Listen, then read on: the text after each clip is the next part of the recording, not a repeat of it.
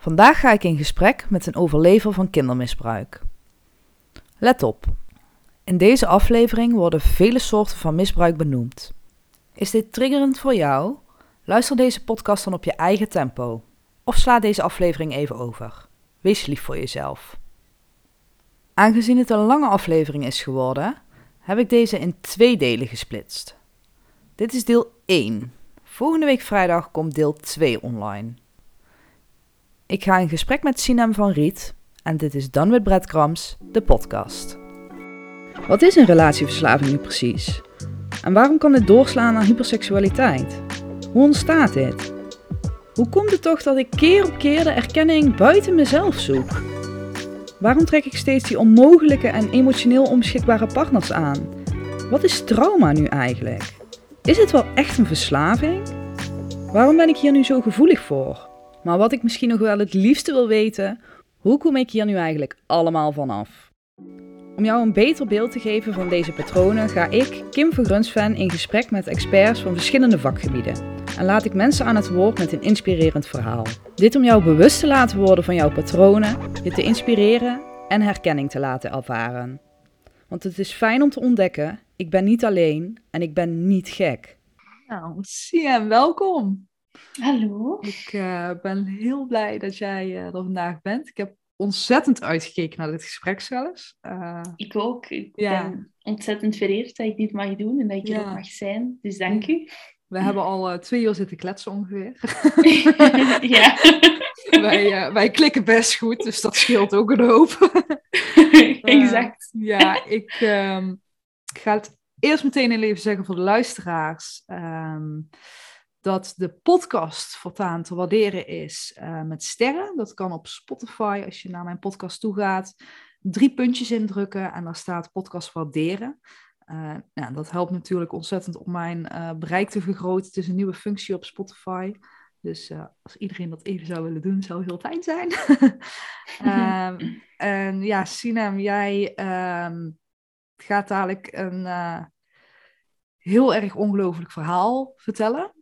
Um, jij wil graag uh, ja, uh, semi-anoniem, uh, zeg maar, in, in de podcast. Dus we hebben daarom geen foto toegevoegd.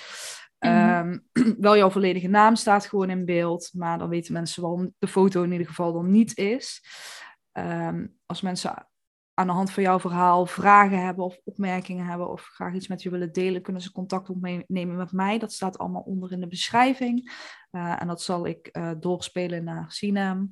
Um, en eventueel in contact brengen als dat, uh, ja, als, dat, als er een vraag is of, of zoiets dergelijks. Um, mm-hmm. Dus dan weten jullie dat allemaal. ja, Sinem, kun jij je eigen even voorstellen wie je bent, wat je doet als je dat misschien wil vertellen? Ja, uh, ik ben Lucine. Ik ben 22 jaar uh, en ik hou mij in mijn vrije tijd heel erg bezig eigenlijk met alles wat met gezondheid heeft te maken. Um, zowel mentale gezondheid als ook ja, meer en meer fysieke gezondheid. Uh, ik ben daar heel door geboeid, ook door mijn verleden, um, omdat ik daar echt wel een verandering in wil maken. En, ja, ik ben slachtoffer van narcistisch misbruik langs mijn vaderskant ook wel meerdere keer in mijn leven teruggekomen. Maar uh, ja, vooral mijn vader heeft, heeft, ja, heeft, de grootste, heeft de grootste indruk daarop gemaakt. Omdat het natuurlijk ook mijn vader is. En dat heeft een heel, een heel zware impact gehad op mijn kindertijd, mijn jeugd. Ja, volwassen leven ondervind ik daar nu ook nog steeds ja, heel veel problemen en heel veel moeilijkheden door. Um, en ik hoop gewoon door met dit verhaal uh, naar buiten te komen, wat de eerste keer is en ook heel moeilijk is, um, ik wel mensen kan helpen om narcisme te herkennen, um, te erkennen ook, want het is nog steeds ook iets waar, ja, waar een beetje naar wordt gekeken van, ja, soms ook als mopje wordt gebruikt van, ha, dat is gewoon een narcist. Um, over iemand die een grandioos zelfbeeld beeld heeft of een beetje arrogant is.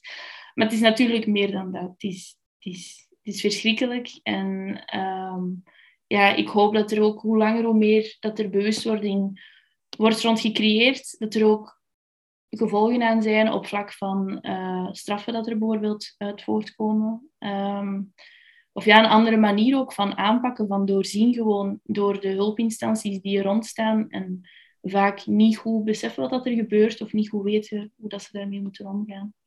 Ja. Ja, ja, ik vind het ook heel goed dat je dat benoemt, inderdaad, de, hulp, uh, of ja, de hulpdiensten die, die erbij betrokken raken. Um, bij Naomi in het gesprek, het vorige uh, gesprek, uh, had ook met narcistisch misbruik te maken. Uh, daar is Veilig Thuis bij betrokken geweest in de politie. En, en daar ging het gelukkig goed, zeg ik het ja, Ja, ja. Daar ben ik ook heel dankbaar voor, voor haar. Maar helaas spreek ik echt dagelijks mensen waar het niet goed bij is gegaan. Dat is puur een, een um, ja, eigenlijk een vorm van kennistekort, om het even zo te zeggen. Uh, En ook bij recht, rechters. En uh, ja, het, je hoort echt de meest schrijnende verhalen. Uh, dat is uiteraard ook waarom ik mijn podcast heb, om, om meer informatie te verspreiden en, en meer van dit soort verhalen het, ja, naar het licht te brengen. Ja. Um, ja, en dat vind ik echt super fijn dat, dat overlevers van dit soort verschrikkelijke dingen uh, daar een steentje aan bij willen dragen. En al is dat anoniem, al is dat uh, met volle naam, het maakt me echt helemaal niks uit, want ik ben met elk verhaal heel dankbaar. Uh, Sino, vind jij het oké okay dat ik jouw leeftijd noem? Wil ik even vragen. Van ja, ja. Ja, ja. Um, dit is het, voor mij echt het meest um, bizarre aan jouw verhaal, want jij bent nu pas twee, twee, 22, zeg ik goed hè? Ja, 22. Ja, 22. Ja. Um, heel, heel jong. Ja. ja, en ik, echt hoe krachtig jij bent en hoe jij hier nu al mee omgaat. En ook jouw interesse inderdaad voor het hele gezondheid, lichamelijk, geestelijk, uh, vind ik echt verbluffend. Uh, waar jij nu staat, uh, nou ja, was ik nog niet zo heel lang geleden. En de mensen geven bij mij al aan van, oh Kim, jij bent al jong. Uh, yeah. Maar ja, helaas merk ik, en dat is ook wat je zegt, het herkennen van het narcistisch misbruik is zelfs voor degene die het meemaakt ontzettend lastig. Ja, dus, heel erg. Ja, ik, ik hoor echt, en ik heb ze ook ja, als klant, zeg maar, uh, vrouwen dan, omdat ik alleen vrouwen uh, begeleid die echt al ja, 50, 60, uh, 40, echt in hoge, hogere leeftijden zitten, die dan pas in de gaten ja. hebben wat ze eigenlijk hebben doorgemaakt en dat het niet normaal is wat ze door hebben gemaakt. Dus ik, uh, ik vind ja. echt, uh, ja, jouw verhaal is zo, ja, heel heftig ook. Ik vind jouw verhaal echt heel heftig, um, waar je doorheen hebt moeten gaan.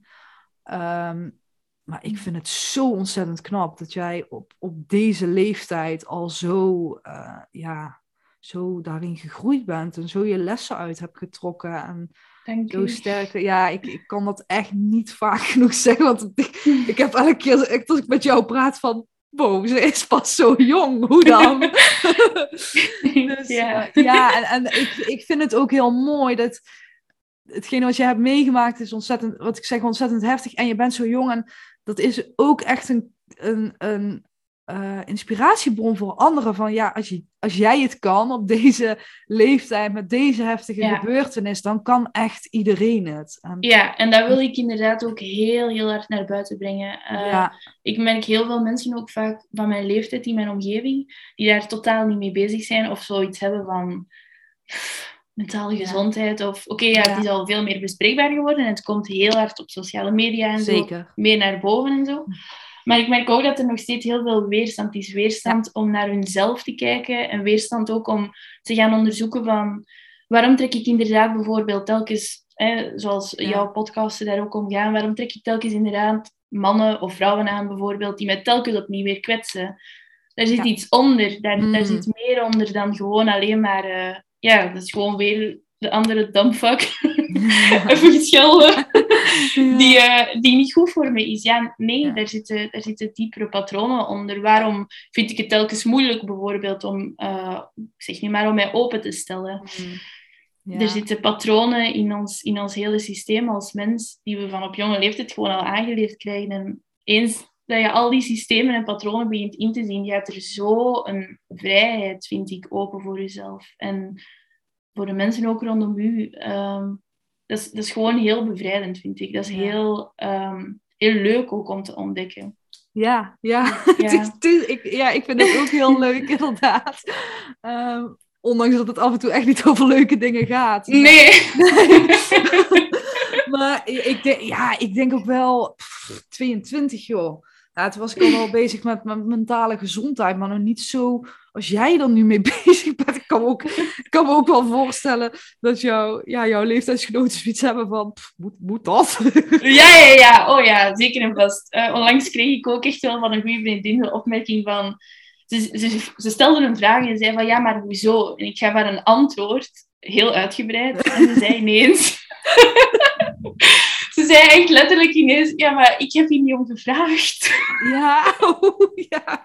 Ik was zo van, ah ja, ja, juist, ja, oké, ja. Ja, respecteer ik gewoon. Maar voor mij is dat zo moeilijk, omdat ik inderdaad van jongs af aan toch ook wel iemand ben dat heel hard op zoek gaat naar de waaroms, hmm. zingeving. Ehm, ja, ik was nooit iemand dat zo bijvoorbeeld op school of zo ook niet als ze zeiden van ja, het moet zo, dan dacht ik, ja, maar waarom moet het zo? Oh, kan het ook niet anders? Kan het ook niet... Herkenbaar. Ja, waarom gaat jij mij nu zeggen dat het zo moet? Ja, nee. Ik was ook wel zo, ja, ik was altijd wel een, een donor, zoals ze zeggen. Iemand dat heel alleen was, heel gericht op, ja, wat, wat ik dacht van zingeving te zoeken. Gewoon van, mm. klopt dit wel? Is dit wel juist? Kan het niet op een andere manier? Ehm, die dingen gewoon. En ik begrijp ook helemaal dat sommige mensen dat totaal niet interesseert en dat is ook oké. Okay. dat is ook helemaal oké. Ik heb daar moeite mee gehad, zeg ik heel eerlijk toen ik... Ja, ik ervaar daar ook wel, ja. Ik, toen ik het licht zag, had ik echt zoiets van, oh, iedereen die moet. zo bezeten, dan ging ik het iedereen aansmeren bijna. maar ze echt zoiets hadden van, Kim, hou alsjeblieft op, ik heb hier geen zin in en ik wil hier niks mee te maken hebben. Dus, ja, ik denk dat ik misschien bij sommige mensen of zo, die mij bijvoorbeeld volgen op sociale media, ook wel zo overkom. Maar dan mm. denk ik ook van, ja, ontvolg me dan. Ja, maar dat, dat is inderdaad een keuze. Ik bedoel, mensen volgen jou... Um, om, om, om hetgene wat je post. Uh, en als ze dat mhm. niet leuk vinden, dan inderdaad ontvolg gewoon. Um, maar als je echt mensen gaat overhalen, ik, daar was ik echt, echt van, zeg maar. Dan uh, ja, wordt het wel een beetje vervelend. Want daar vragen ze niet om, inderdaad. Nee.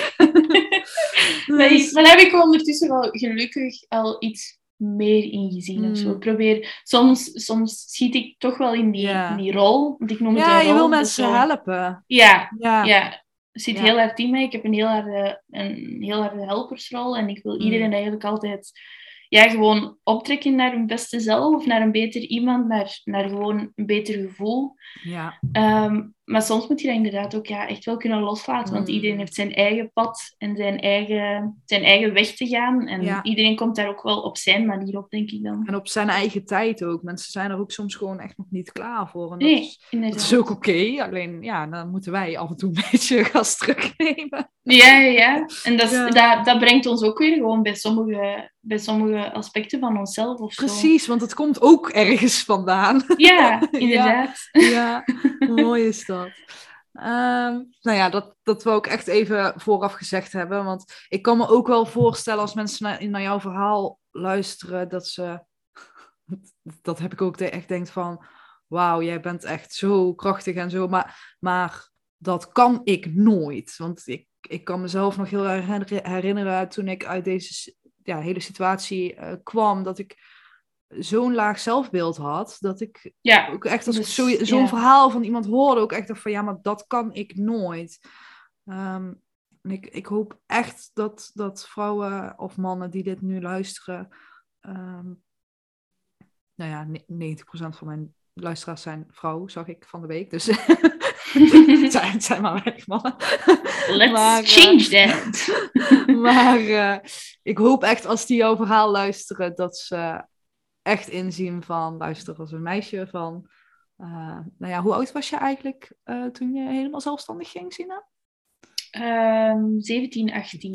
Ja, dat bedoel ik. Als, als, als een, ja. een, hele jonge vrouw van 17, 18 dit kan, met uh, zo'n bizar verleden, dan kan echt iedereen dit.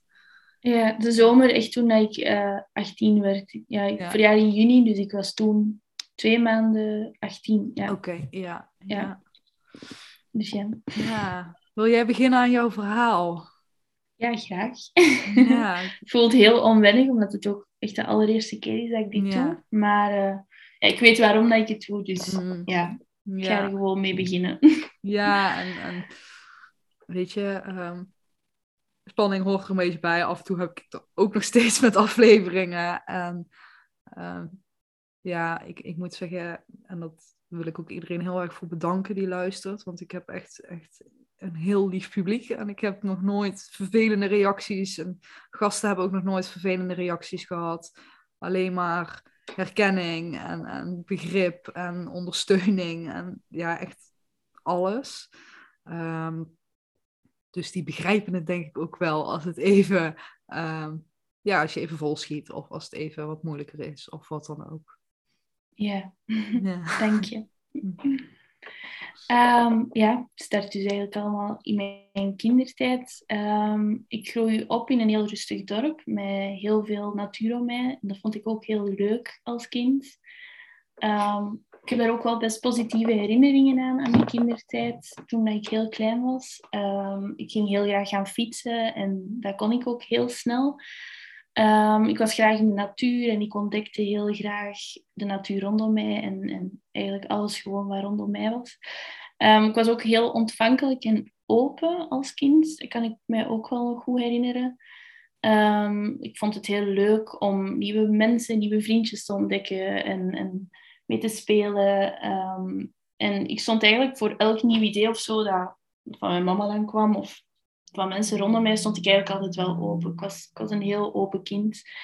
Um, maar ik voelde mij ook wel altijd alleen. Ik was enigst kind, dus ik had geen broers, ik had geen zussen. Ik had wel bijvoorbeeld een nicht waar ik heel goed mee overeenkwam en waar ik vaak mee speelde.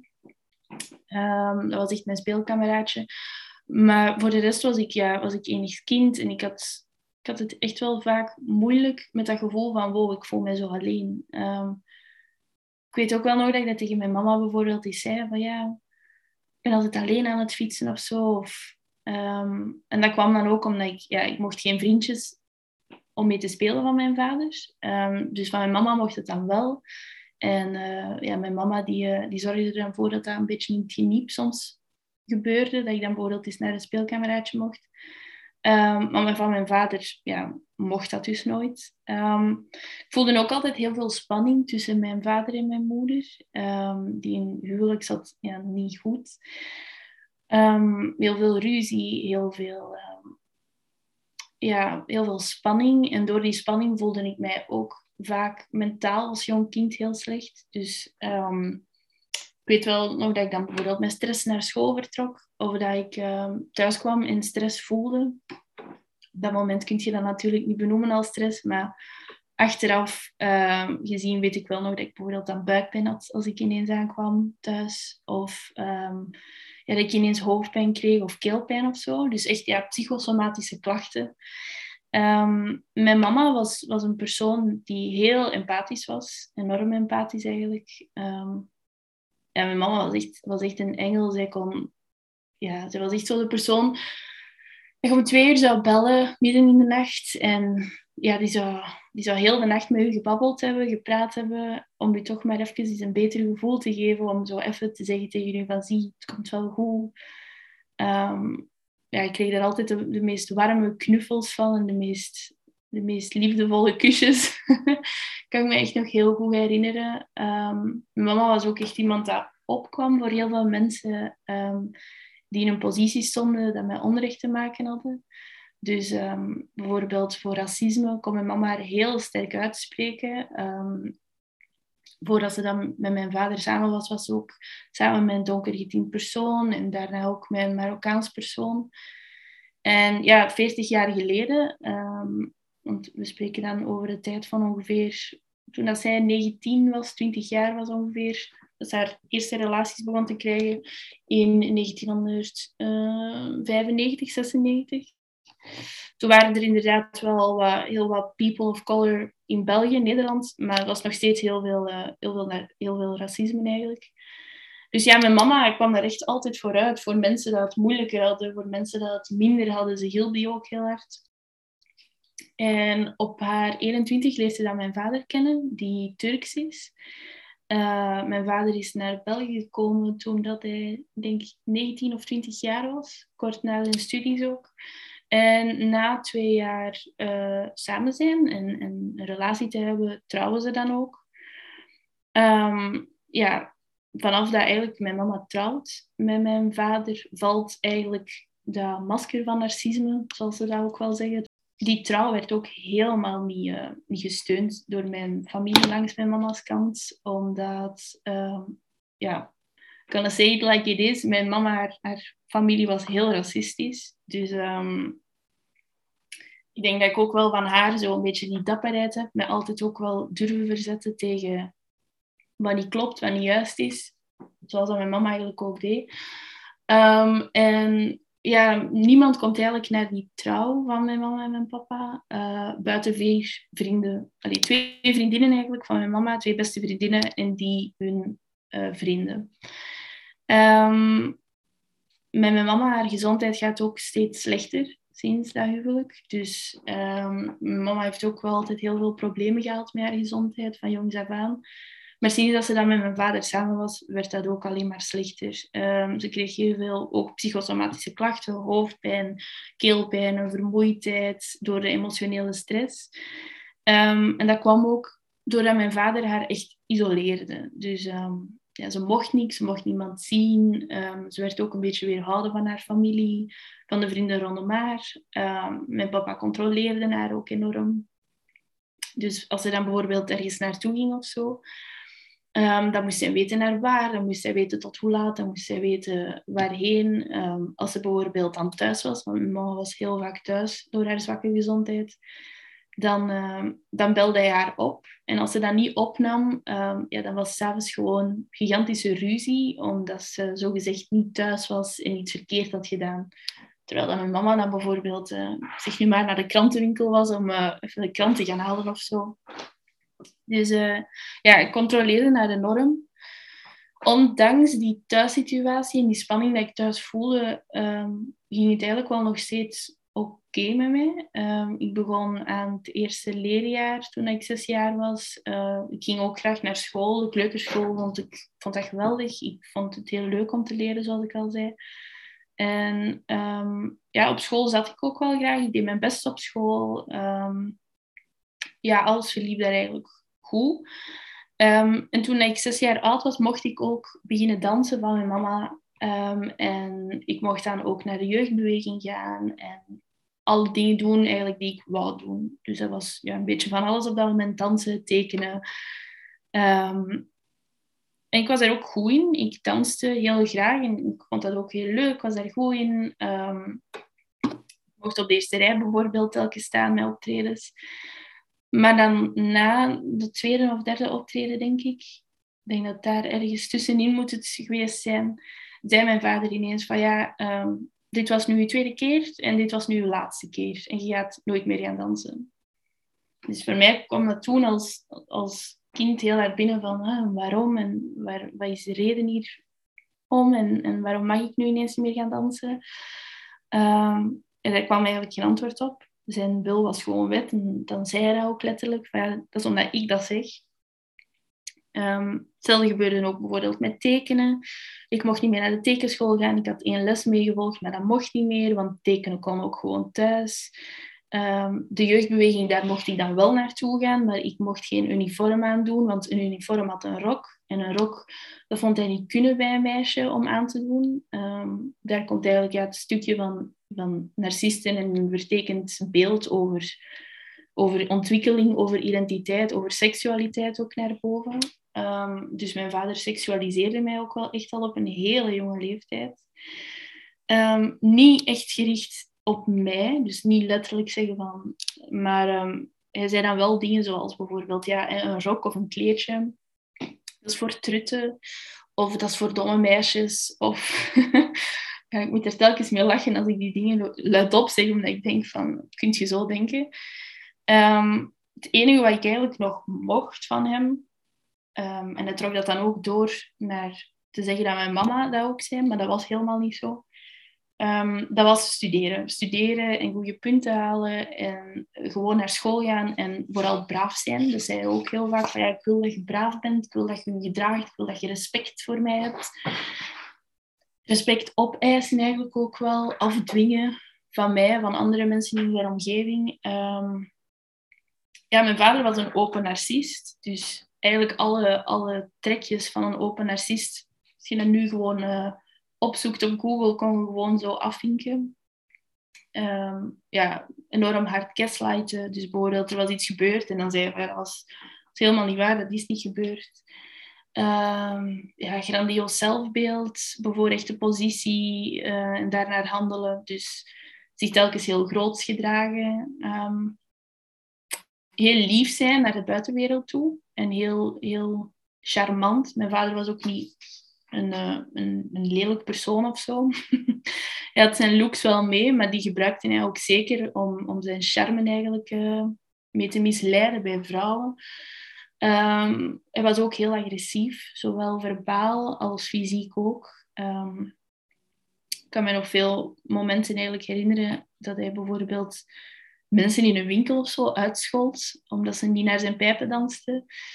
Um, ja, hij was ook overtuigd dat hij, dat hij veel meer mocht dan anderen. Vind ik ook, ja, als ik daar allemaal aan terugdenk, dan ik lag die eigenlijk echt heel hard uit. Omdat ik denk van, ja, hoezo, hoezo heb je zo'n grandioos zelfbeeld en hoezo denk je op die manier? Dan dacht hij bijvoorbeeld, uh, als ik dan zei, van ja, dat mag niet, je mocht dat niet doen. Wat, wat heb je nu gedaan? Ik zeg nu maar over peuken wegsmijten op straat. Oké, dat is nu iets banaals, maar ik zeg nu maar over sluikstorten of zo. Dat is dan iets heel groots. Omdat ik ook altijd al inzat met bijvoorbeeld natuur en dieren. Dan zei hij van, ja, ik mag dat wel. Ik, ik mag dat. Dus ja, dat, dat creëerde bij mij echt zo'n beeld van, wie denk je dat je bent of zo, van hele jonge leeftijd al. Ehm, mijn vader loog ook vaak tegen mij. Ehm, hij was ook ja, echt wel een pathologisch leugenaar, in zijn eigen leugens geloven, liegen. En ja, totaal geen empathie. Heel, heel kenmerkend aan narcisten. Geen empathie, echt nul, bijna apathisch zelfs. Um, momenten bijvoorbeeld dat ik mij had pijn gedaan als kind, dat ik bijvoorbeeld viel. Ehm, mijn vader lachte mij gewoon uit. Die, die lachte gewoon letterlijk echt met het feit dat ik aan het wenen was. ik lach er nu zelf mee, omdat ik dat heel oncomfortabel vind om dat te zeggen. Dat uw eigen vader u natuurlijk uitlegt als je als kind pijn hebt. Maar ja, op dat moment voelde dat, voelde dat echt heel raar. Ik dacht echt van, hoezo bent je nu aan het lachen? En ik riep dat ook soms echt letterlijk van, ik heb pijn. Waarom lacht je nu? Um, ik gedroeg me eigenlijk als kind wel vaak flink en voorbeeldig, omdat dat natuurlijk ook zo werd ja, opgelegd thuis en erin werd gebakken van je moet je gedragen, je moet flink zijn, je moet braaf zijn. En vanuit school kwam dat ook heel vaak, uh, vaak wel terug. Van Sinem is echt een voorbeeldige leerling, Sinem is zo braaf, Sinem, is altijd aan het luisteren. Um, dat kwam ook wel omdat ik heel veel schrik had. Dus ik had heel veel schrik om mijn vader teleur te stellen, om niet aan zijn eisen, want er waren eisen te voldoen van uh, goede punten te scoren. Ik moest volgens hem echt altijd een 8, een 9, een 10 scoren. En als dat niet zo was, dan wist ik gewoon dat daar fysiek geweld uit voortkwam. Dus dat ik, uh, ik gewoon geslagen werd. Of um, dat ik gewoon met de grond gelijk werd gemaakt. Dus dat ik, dat ik dom zou genoemd worden, stom, um, niets waard, al die dingen. Omdat ik niet mocht, dus ja, ik mocht meer gaan dansen, ik mocht niet meer naar de jeugdbeweging, mocht, mocht niets meer doen dan alleen gewoon thuis zitten en studeren weet ik ook nog dat ik mij op een gegeven moment heel erg begon te vervelen. Um, dus ik zocht ja, connectie, zoals elk gezond kind doet, was ik nieuwsgierig, ik wou ontdekken, ik wou de wereld zien, bij wijze van spreken. Um, dus op een gegeven moment wou ik ook naar onze buurvrouw gaan, die twee uh, poezen had, waar ik altijd heel graag mee speelde. Maar ja, dat mocht ook niet. Ik mocht niet naar de buurvrouw, ik mocht, mocht niets doen, mijn mama ook niet. Um, maar ik had dat toch gedaan. Ik dacht echt op dat moment toen al, ja, kunt jij wel zeggen, ik, ik ga me echt niet de hele dag zitten vervelen. Ik was denk ik toen een jaar of zeven.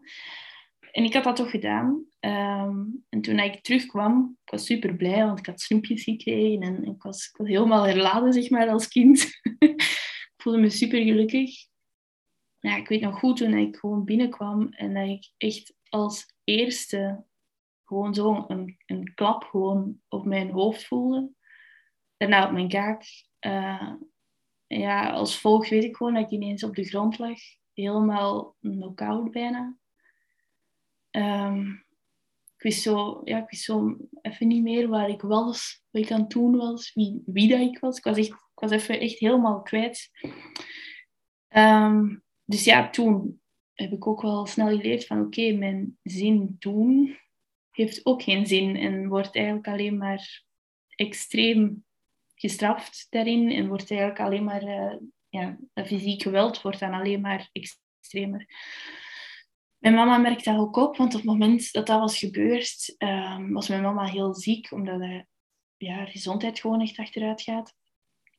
Uh, maar ze merkte dat toch ook op dat mijn vader ook tegen mij um, ja, veel agressiever wordt. Niet alleen verbaal, maar ook fysiek. En ze wil dus scheiden.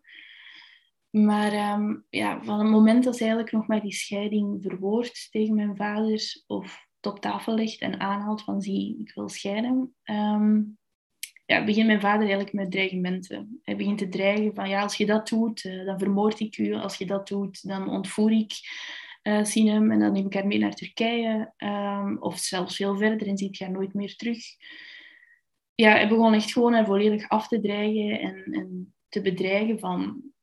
Zie, je moet met mij samen blijven. Je hebt geen keuze. Je kunt niet kiezen of dat je nu samen bent met mij, ja of nee. Uh, je zult en voor heel je leven lang met mij samen zijn. En uh, je gaat gewoon naar mij pijpen dansen. En als dat niet zo is, ja, dan zijn de gevolgen er zeker. En ja, hij gebruikte mij ook eigenlijk een beetje als machtspion tussen mijn, uh, tussen mijn mama en hij dan. Um, om zo ja, mijn mama gewoon weer klein te houden, koers te houden, dat ze zeker en vast niet, zo, niet zou doen. Um, we leefden ook wel best in armoede. Um, dus ja, we hadden, hadden helemaal geen mooi huis of zo. Of, ja, zelfs niet eens mooi. We hadden gewoon echt een, een heel ongezellig huis.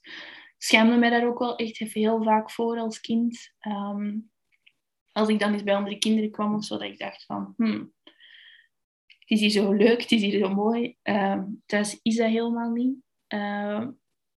En dat kwam ook natuurlijk omdat mijn vader alleen maar werkte. Mijn mama niet, omdat haar gezondheid gewoon zo slecht was. Maar ondanks dat mijn vader eigenlijk wel heel goed verdiende, um, zag je dat eigenlijk helemaal niet in ons huishouden. En dat kwam dan omdat mijn vader eigenlijk al het geld dat hij verdiende ook weer gewoon terug in zichzelf stak.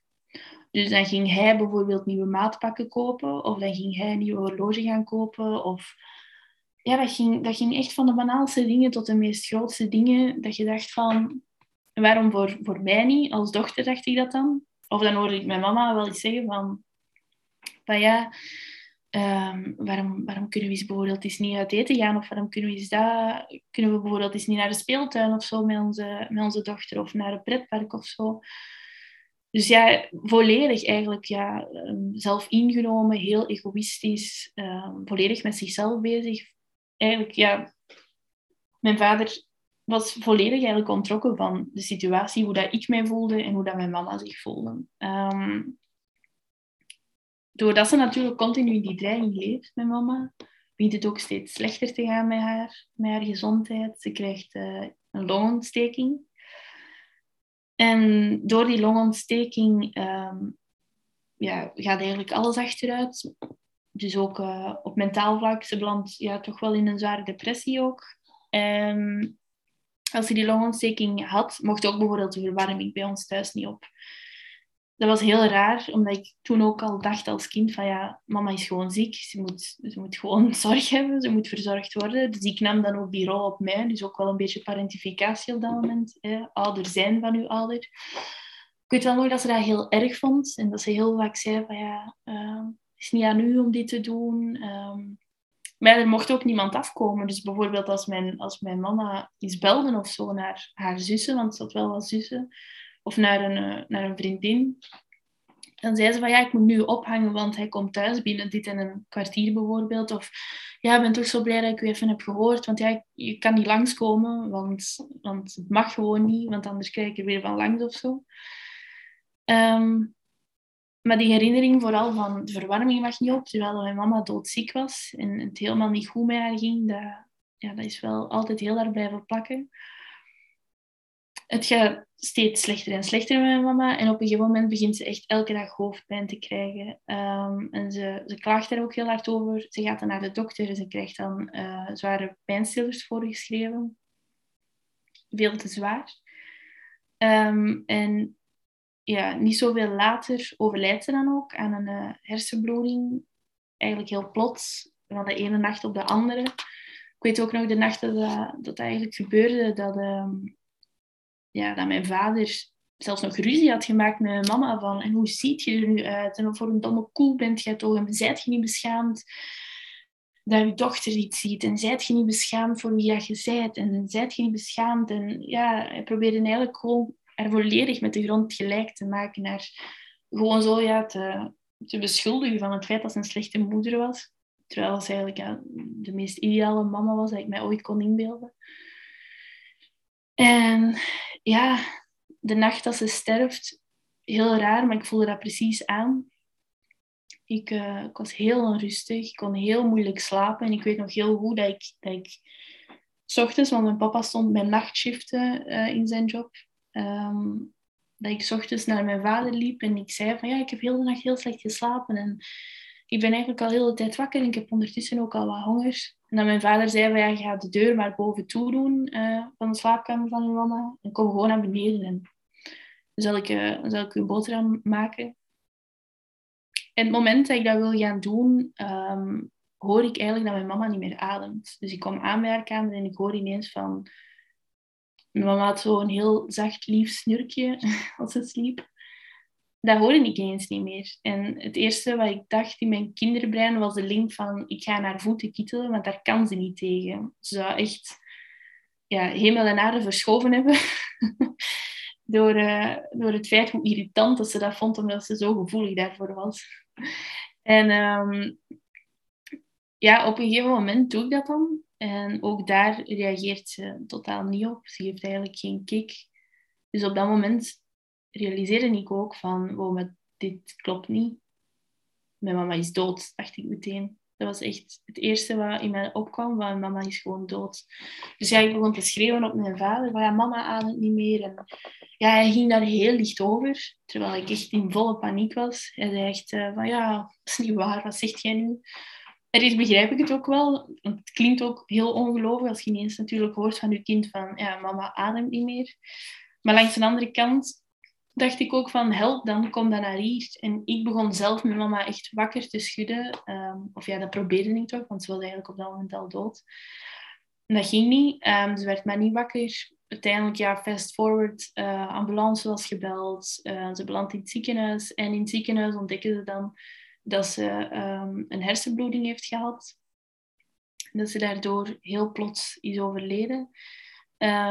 ze merken dat eigenlijk volledig haar, hele brein helemaal onder het bloed zit. Um, ze hadden haar wel nog in een kunstmatige coma voor drie dagen lang. Ja, uh, en na drie dagen ja, kwam de vraag dan van, ja, zie de kans als hier één levend uitkomt, is heel klein. En twee, als hier uitkomt, dan zal het waarschijnlijk uh, een heel, heel zware uh, verlamming zijn. Misschien over heel haar lichaam.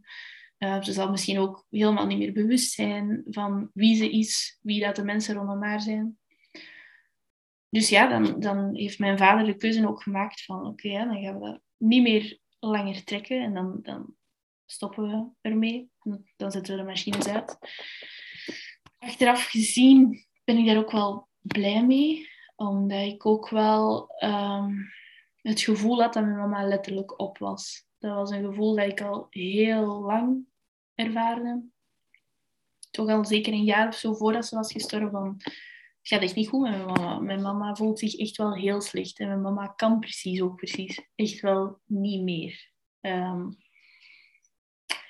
ja, ze wordt dan begraven. Die begrafenis is heel mooi. Um, ja, denk, denk echt wel een van de meest hartverwarmende momenten dat ik me nog kan herinneren als kind. Dat ik heel veel troost voelde van mensen om mij heen, vrienden ook en vriendinnen van mijn mama.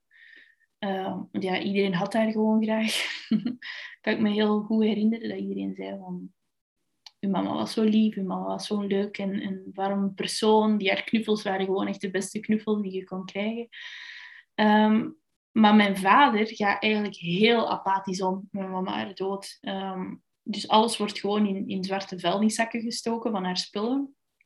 Kleren. Mijn mama had een hele collectie aan parfum. Gigantisch. Ik denk wel in totaal ik denk dat het wel bijna 1000 euro waard was. Dat is echt een hele kast vol.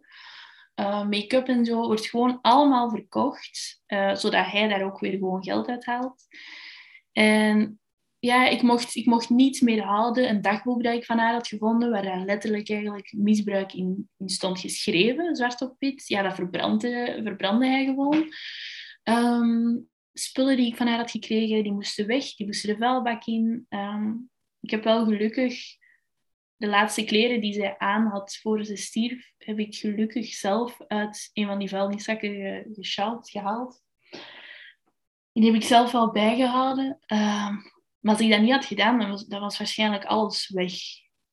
Mijn vader had zo precies iets van... Uh, ze is dood en ze moet eigenlijk zo snel mogelijk door u, door mij vergeten worden. En ja, just gone with life of zo. Dat gevoel kreeg ik daar echt bij. Mijn vader was er ook echt totaal niet qua, qua steun. Emotionele steun heb ik nooit gekend. Uh, maar op dat moment had ik dat echt wel het hardste nodig. En dat was ook niet zo. Um, de avond nadat mijn mama begraven was, ging hij bijvoorbeeld ook gewoon op café met twee vrienden. Um, en omstaanders die zeiden dan bijvoorbeeld van ja, maar zie, het is een man, ook waarschijnlijk moeilijk met verdriet. En terwijl ik dacht van ja, maar dan ga je toch niet vrolijk gewoon op café als je kind, ik dan, voor u staat te wenen om het feit dat haar mama gestorven is en dat ze haar mama mist. Hoezo kun je dan gewoon met twee vrienden gaan zeggen van ja, ik ga, ik ga wat theetjes gaan drinken in een Turks café. Allee, ik dacht echt van... Zelfs bij zijn Turkse vrienden toen, die hem dan kwamen halen, voelde ik meer emotionele nabijheid en meer empathie eigenlijk van hen. Die zeiden van, uh, ja, gaat het een beetje?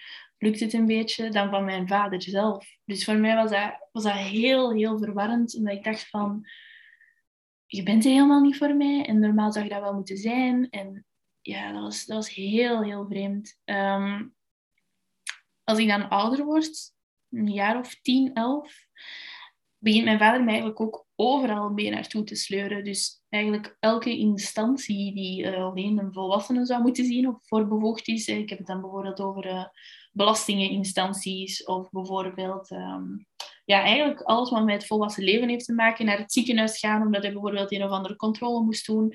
Daar moest ik allemaal mee naartoe. Dan zat ik soms uren gewoon in het ziekenhuis met te vervelen, of bijvoorbeeld op een of ander bureau waar hij naartoe moest wachten. Dus ja, ik leerde daardoor wel heel veel, want ik leerde heel snel dingen oppikken van mensen die in die wereld zaten. Dus dat maakte mij heel snel zelfstandig. Te zelfstandig eigenlijk om soms om te gaan met kinderen van mijn leeftijd. Uh, maar tegelijkertijd um, verwaarloosde mijn vader mij ook. Dus um, hij was dan bijvoorbeeld een hele zondagnamiddag weg. Zonder nog maar te zeggen naar waar. Zonder te zeggen uh, tot hoe laat. Zonder mij te informeren over wat hij ging doen. Ik wist gewoon niets. En ik werd letterlijk gewoon achtergelaten. En ja, dat was zo een eng gevoel. Ik voelde mij zo in de steek gelaten. Ik voelde mij zo alleen. Ik kreeg daar ook heel veel paniek door, omdat hij letterlijk de deuren vastdraaide van ons huis en hij weg was. Dus ik had ook het gevoel van, ik zit hier opgesloten in mijn eigen huis. En er is niemand. Er kan ook niemand binnen, maar ik kan er ook niet buiten. Um, mijn vader uh, kookte ook bijvoorbeeld nooit voor mij. Die kookte nooit iets vers of zo voor mij. Ik moest altijd gewoon maar uh, eten met wat brood of fruit of zo. Um, maar koken of zo deed hij nooit. En hij liet mij dan ook, als hij dan bijvoorbeeld zo'n paar uur weg was, liet hij mij dan ook gewoon letterlijk achter vaak zonder eten. Dus zonder, uh, zonder voeding. Ja, water was er wel altijd, want jij hebt natuurlijk water van de kraan, maar dan nog steeds ja, was er gewoon niks. Tot op een gegeven moment um, mijn tante, uh, de jongste zus na mijn mama, dat toch een beetje begint door te hebben. Um, mijn vader eh, zorgt er eigenlijk voor dat ik geen contact heb met mijn familie, maar toch zorgt mijn tante daar een beetje voor om, om daar toch een beetje ja, een stokje voor te steken. En die begint vaker langs te komen. En uh, ja, op zondag doet ze dat bijvoorbeeld uh, elke keer. Elke zondag komt ze langs. En zij begint toch ook echt op te merken van, ja, dat kan toch niet? En hoezo zit jij zonder eten? En zij vangt mij ook wel wat op. Maar elke keer als dat gebeurde, volgde er daar ook ruzie door. Of volgde er daar ook, ja... ja, terug fysiek geweld, geweld eigenlijk door. Dus ja, mijn vader implementeerde eigenlijk juist dezelfde structuur, juist dezelfde manipulatietactieken enzovoort als dat hij bij zijn als hij, als hij bij mijn mama deed, deed hij ook gewoon bij mij. Dus zijn, uh, zijn tactieken van hoe dat hij handelde, werd gewoon letterlijk gekopieerd en geplakt en nu op mij toegepast.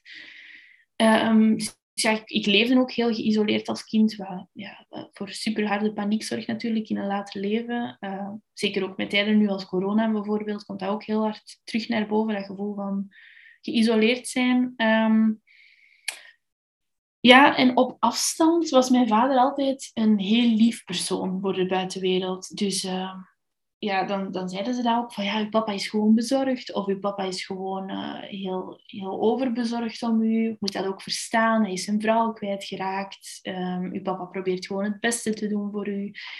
Um, ze hadden ook eigenlijk wel medelijden met hem. En dat merkte ik heel vaak doordat hij dat ook probeerde op te wekken.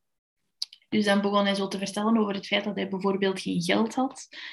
Maar dan dacht ik, ja, als je elke zondag inderdaad, weet ik veel waar, naartoe rijdt en geld uitgeeft aan, nieuwe maatpakken en nieuwe horloges, ja, dan versta ik inderdaad dat je, dat je niet rondkomt, dacht ik toen al. Ehm, dus ja, ik had, echt, ik had geen ruimte eigenlijk om te ontwikkelen. Ik werd volledig verstikt als kind door mijn vader. Uh, veel te dichtbij gehouden ook eigenlijk bij hem. En dat zorgt er gewoon voor dat ik uh, ja, geen ruimte heb om te ontwikkelen, geen ruimte heb om te zijn wie ik wil worden of wil zijn. Dus ja, dat ligt, dat ligt een heel zware druk op mij, omdat het enige wat nog telt school, school, school is en studeren, presteren, goede punten halen, braaf zijn, gewoon luisteren naar wat hij zegt en voor de rest niet. Ehm, ik begin dan in het uh, eerste middelbaar met de hoogste richting die er eigenlijk is in het onderwijs in Vlaanderen. En dat is Latijn. En eigenlijk vond ik dat heel leuk, want ik was altijd goed in talen. Ehm, maar mijn wiskundecijfers waren niet goed, omdat ik dyscalculie had. Dat wordt dan ook vastgesteld op mijn 12. Maar mijn vader vindt dat ook weer nonsens. En eigenlijk zou ik in logopedie moeten, om die wiskunde toch een beetje bij te benen. Ja, nee, dat, dat was belachelijk. Ik was gewoon dom. Ik was gewoon, uh, ik was gewoon niet, genoeg aan het oefenen daarvoor. Dus elk weekend moest ik echt gewoon van s ochtends vroeg, uh, negen uur was dat dan, tot s'avonds vijf uur, gewoon elke zaterdag lang eh, wiskundeoefeningen maken, herhalen en nog eens en nog eens en nog eens. Ik voelde me echt op een gegeven moment gewoon zo'n schoolrobot of zo. Terwijl dat juist iets was wat ik op zich heel graag deed toen ik klein was. Ik ging graag naar school en ik leerde graag. Uh, maar ja, heel snel werd ik gewoon schoolmoe, omdat er niets anders meer was dan alleen maar school. Um, mijn vader controleert mij ook als ik in mijn puberteit kom. Um, ja, hij isoleert mij, controleert mij, manipuleert mij in het feit dat als ik bijvoorbeeld geen goede punten score, uh, ik heel de zomer wiskundeoefeningen ga moeten maken. Dus ook echt dreigen daarmee. Uh, hij dreigt ook bijvoorbeeld als ik, um, als ik ja, als ik geen goede punten score, dat er van alles gaat gebeuren met mij. Dus dat ik dan bijvoorbeeld naar Turkije moet, ook weer voor twee maanden en, en daar dan gaan moeten leven. En ja, helemaal niet meer op vakantie gaan of naar Turkije gaan, want ik was er al eens geweest en ik vond het er heel fijn en heel leuk. Maar ja, niet voor twee maanden. in, een, in een land waar ik de taal niet van sprak, want mijn vader had mij ook nooit Turks geleerd. Dus ja, heel zijn opvoedingsstijl was eigenlijk gebaseerd op, op bang maken. Bang maken, dreigen, um, zorgen dat ik klein gehouden werd, zorgen um, dat ik gewoon luisterde naar hem. En dat was eigenlijk het enige dat, dat er speelde. Um, op een gegeven moment kreeg ik dan ook een vriendje toen ik 14 was, 13, 14. ja, je zoekt nu eenmaal liefde op als je ze thuis niet krijgt. Um, en ja, dat vriendje gaf hij heel snel aan bij de politie voor stalking. Ja, dat gaat natuurlijk niet, want, want die jongen was ook nog minderjarig. Maar dan had hij gewoon letterlijk die ouders aangeklaagd. Um, en had hij een klacht ingediend tegen hen uh, voor het feit dat toen mijn vriendje mij zo gezegd aan het stalken was. ja, um, by boyfriend op dat moment. Uh, heel de school wist dat ook. Of ja, toch heel veel mensen op school wisten dat ook en hadden daar ook uh, iets van opgevangen. Want toen had mijn vriendje daar ook iets over verteld tegen zijn vrienden enzovoort. En ja, pubers gaat gewoon supersnel, uh, supersnel rond, zo'n nieuws. Dus ja, ik ging echt als, als ja, ik ging zo beschaamd naar school toe. Ik dacht echt van, ja, iedereen weet dus dat ik echt een gekke vader heb. dat dacht ik toen. Ehm, toen ik tien of elf was, ja, gingen we ook uh, die zomer toen effectief naar Turkije op reis. En um, ja, mijn vader die dreigde ook heel vaak, of die zei ook heel vaak het feit van ja, uh, je mocht al die dingen niet doen. Bijvoorbeeld een rokje dragen of een kleedje dragen of een vriendje hebben. Um, omdat je Turks bent. Je bent, uh, bent half Turks, ik ben Turks. Um, dus je mocht dat niet doen, want ik, ik doe dat niet volgens mijn geloof. Of dat is niet oké in onze cultuur. Maar ja, toen kwam ik in Turkije aan en ik zag daar mijn Turkse nicht, want ik heb ook nog een nicht in Turkije.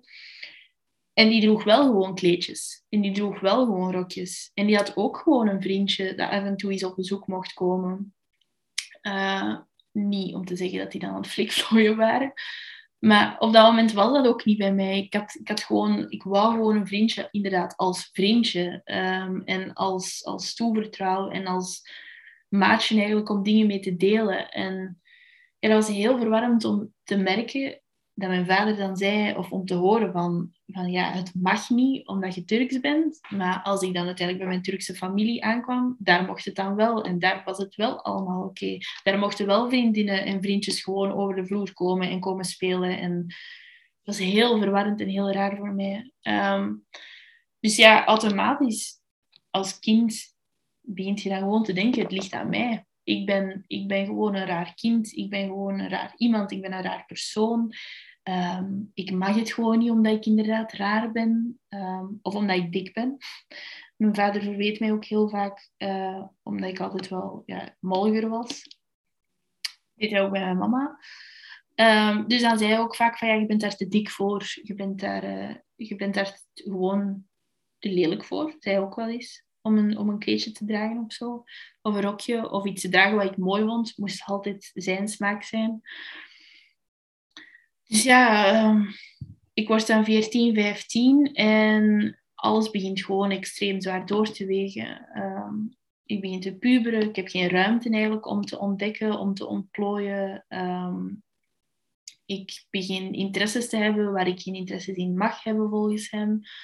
Um, fotografie bijvoorbeeld wou dat heel graag gaan doen als, uh, als richting om te gaan studeren op de kunsthumaniora. Ja, nee, dat mocht niet, want dat was dom. Dat was, dat was, voor, uh, was voor domme mensen. Dat was voor mensen die niets gingen bereiken in hun leven later. Um, dat hoorde ik eigenlijk constant. Dus ik moest blijven doen wat ik deed. En dat was toen de richting uh, humane wetenschappen. Um, en dat was een richting die toch ook wel al heel gericht was op psychologisch welzijn, psychologie. Ehm, en vanaf daar begin ik wel zo mijn eerste gevoel te hebben van, ah, wow, ik heb deze hechting gehad, ik heb dit soort uh, thuissituatie. Ah ja, oké, ik doe die dingen omdat ik inderdaad met zo'n vader ben opgegroeid of omdat mijn mama is gestorven. Dus die eerste zelfinzichtsmomenten, diepe zelfinzichtsmomenten, die komen er wel uh, rond mijn 14, 15 dat voelt heel goed, maar tegelijkertijd gaat het ook heel, heel slecht met mij. Uh, ik krijg paniekaanvallen, depressie ook wel. Um, ik voel me totaal niet goed thuis, heel onveilig. Um, en op mijn 15, ja, dat was toch wel een moment dat ik dacht van, wow, het moet echt stoppen. Moet echt, moet, moet echt ophouden gewoon, alles wat er gaande is, alles wat er speelt. Ik wil gewoon dat het stopt niet dat ik, ja, suicidaal wil ik niet zeggen, want het is niet dat ik dacht echt per se aan, aan zelfmoord of mezelf, mezelf doden. Um, maar ik dacht wel eerder aan, ik wil dat nu stopt en ik wil gewoon eens voor een paar weken gewoon rust in mijn hoofd. En eens niet moeten denken aan alleen maar die goede punten halen en continu bang zijn als ik thuis rondloop of rond ben. Uh, of, of rond aan het lopen ben, want ik liep continu op, uh, ja, op eierschaal thuis. En, en ja, gewoon telkens het gevoel van, er kan hier elk moment weer een bom barsten. Dat gevoel gewoon.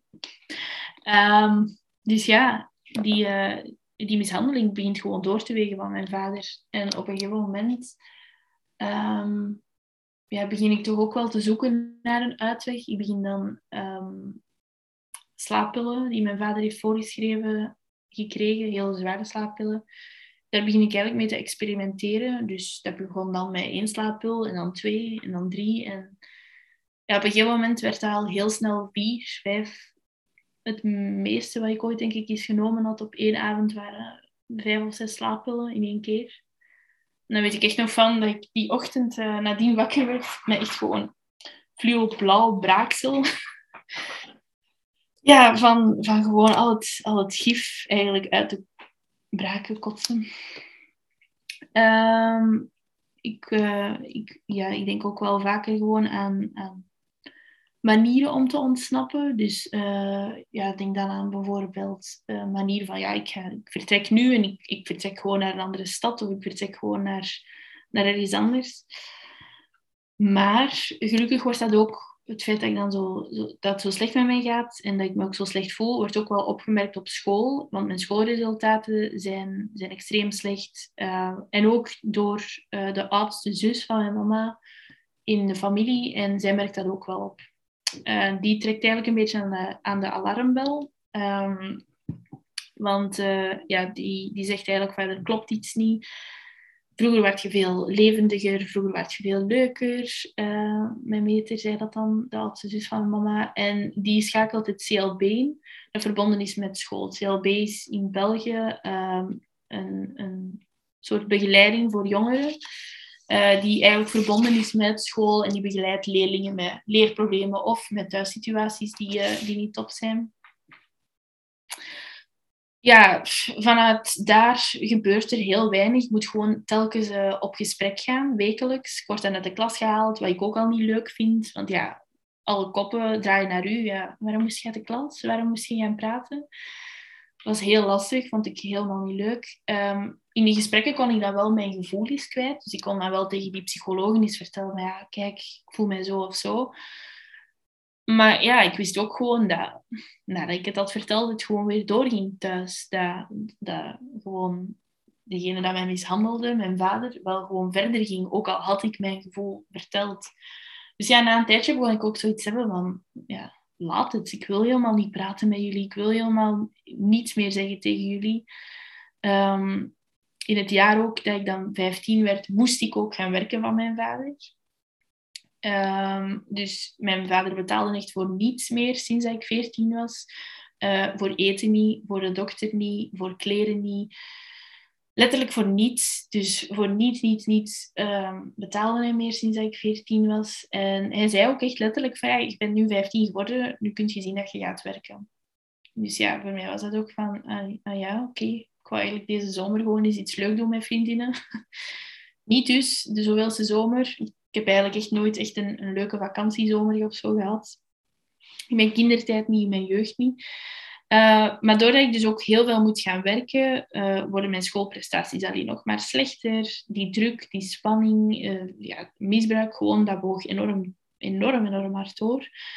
Um, dus ik moest ook veranderen van richting op het einde van, van mijn derde majora. Um, ik moest dan veranderen van studierichting omdat ik een beeldtest had. Um, en ik was ook continu ziek. En op dat moment, uh, omdat CLB daar dan ook al bij betrokken was, zeiden ze van ja, we gaan, uh, we gaan hier toch meer aan doen. We gaan het jongerenwelzijn hiermee betrekken. Uh, dus dat is eigenlijk een standje hoger um, dan het CLB. Ehm, maar ja, gebeurt eigenlijk weer gewoon hetzelfde. Um, ze geloven gewoon telkens mijn vader, want mijn vader gedroeg zich heel voorbeeldig als ze daar waren gedroeg zich echt ja, als een wolf, gewoon in schaapskleren. Hij zei telkens opnieuw van ja, ik ben gewoon zo bezorgd om mijn dochter. Ja, ik ben gewoon echt, uh, ik ben gewoon echt ja, heel bezorgd en ik wil gewoon dat het goed gaat met haar. En uh, ik heb gewoon problemen met haar los te laten sinds de dood van mijn vrouw. En misschien was dat ook in de essentie echt zo, kan geweest zijn. Maar de manier waarop hij dat, dat dan, waarop hij dat dan aanpakte, ja, was volledig, volledig naast de kwestie. Hij zei dan ook bijvoorbeeld telkens van ja, en ik doe alles voor haar. Ja, mijn vader deed gewoon niets voor mij, letterlijk niets. op emotioneel vlak was hij er niet, op fysiek vlak was hij er niet, op financieel vlak was hij er niet. Het enige waarvoor hij er was, was letterlijk om mij gewoon te kwetsen, te kleineren, met de grond klein te maken, mij te mishandelen, te verwaarlozen. Daarvoor was mijn vader er. Maar voor iets anders uh, heb ik mijn vader jammer genoeg nooit gekend. Ehm, dus ja, dat creëert enorm, enorm veel woede bij mij. Ik zit ja, op mijn 16 echt wel met anger issues, met woede aanvallen. Ehm, ik heb ooit zoiets ja, volledig mijn vuist gewoon tegen de muur kapot geslagen, omdat ik zo kwaad was. Ehm, en dat voel ik ook op school. Like, daar heb ik om op een andere school terecht, waar ook een leerkracht is die best veel narcistische eigenschappen heeft. En ik hield mij er ook gewoon niet meer voor in. Ik, ik rebelleerde enorm hard. Uh, niet zodanig hard dat ik mezelf nog meer in de problemen werkte. Want daar lette ik zelf al altijd voor op. Omdat ik dacht van ja, ik ga niet nog meer miserie creëren. Of nog meer uh, lasten creëren voor mezelf. Want ik heb het al moeilijk. Maar ik verzette mij ook wel tegen mensen die... Uh, waarvan ik dacht, leerkrachten bijvoorbeeld, die zeiden van ja, je moet naar mij luisteren. Ja, de, de heel narcistische houding, want in het onderwijs zijn er nu eenmaal ook gewoon heel veel narcistische personen.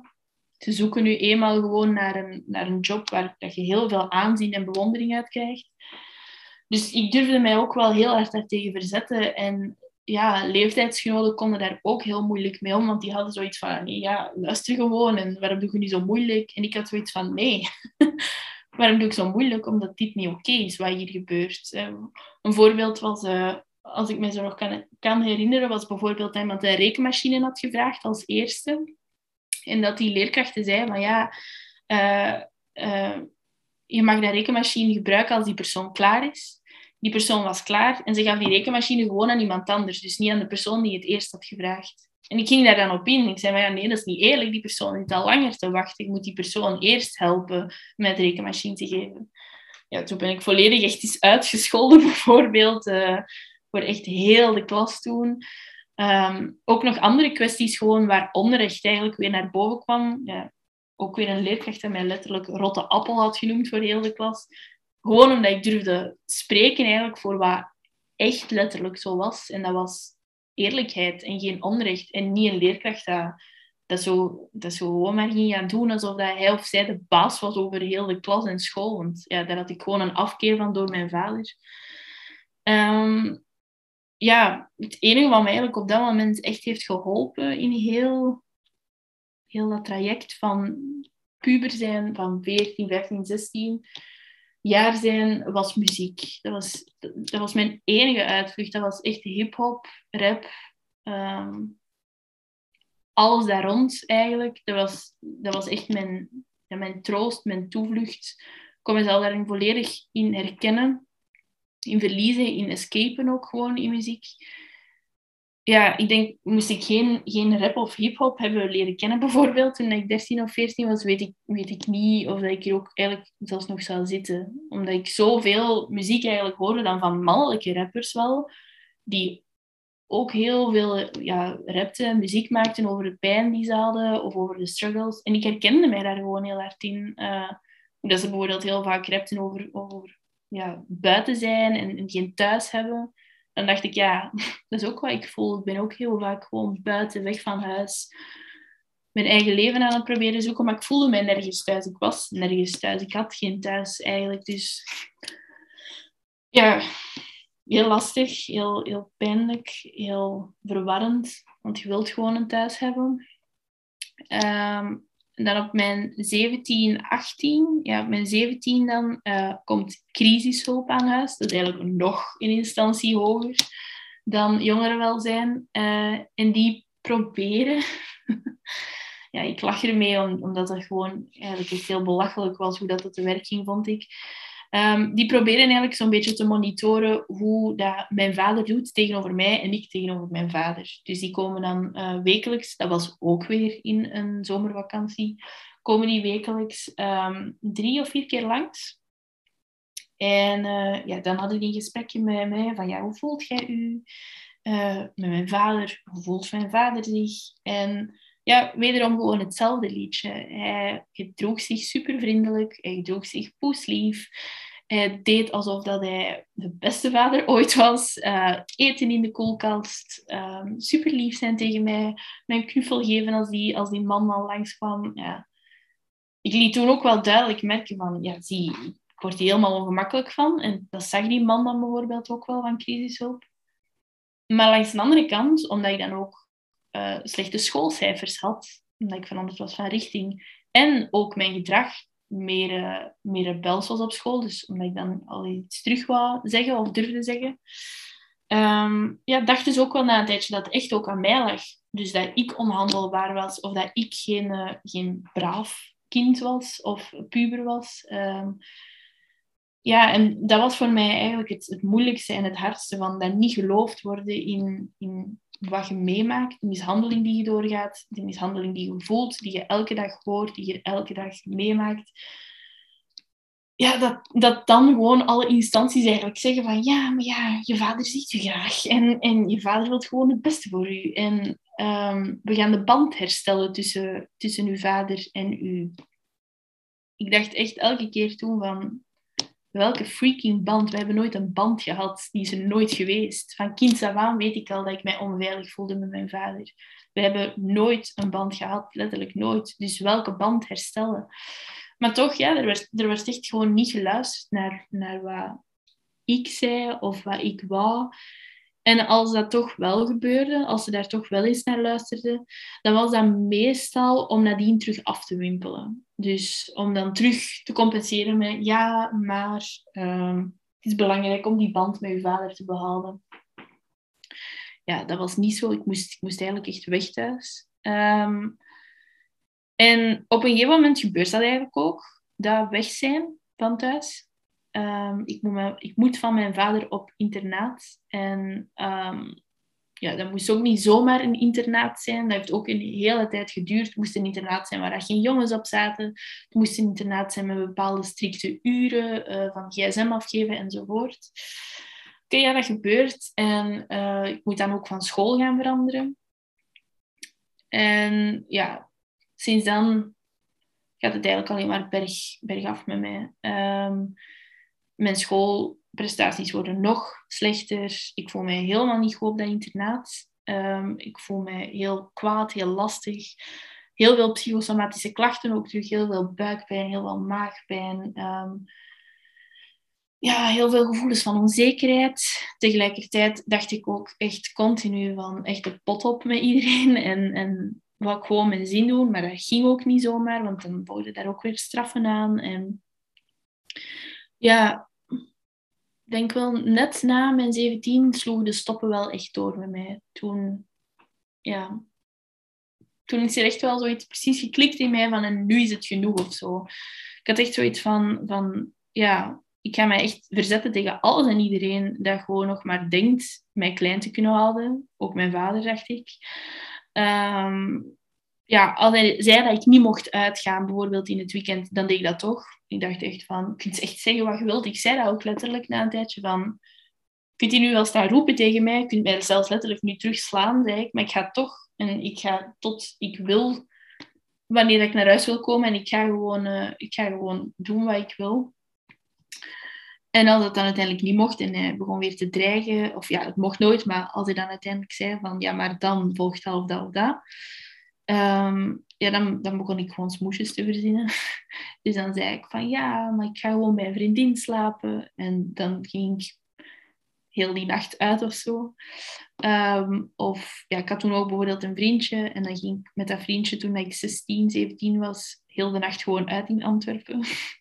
Tot in de vroege uurtjes. En ging ik gewoon met de eerste trein terug naar huis. En dan zei ik gewoon van als ik dan thuis kwam, ah ja, ik heb lekker geslapen omdat nadien heel de namiddag natuurlijk te pieten als hij weg was.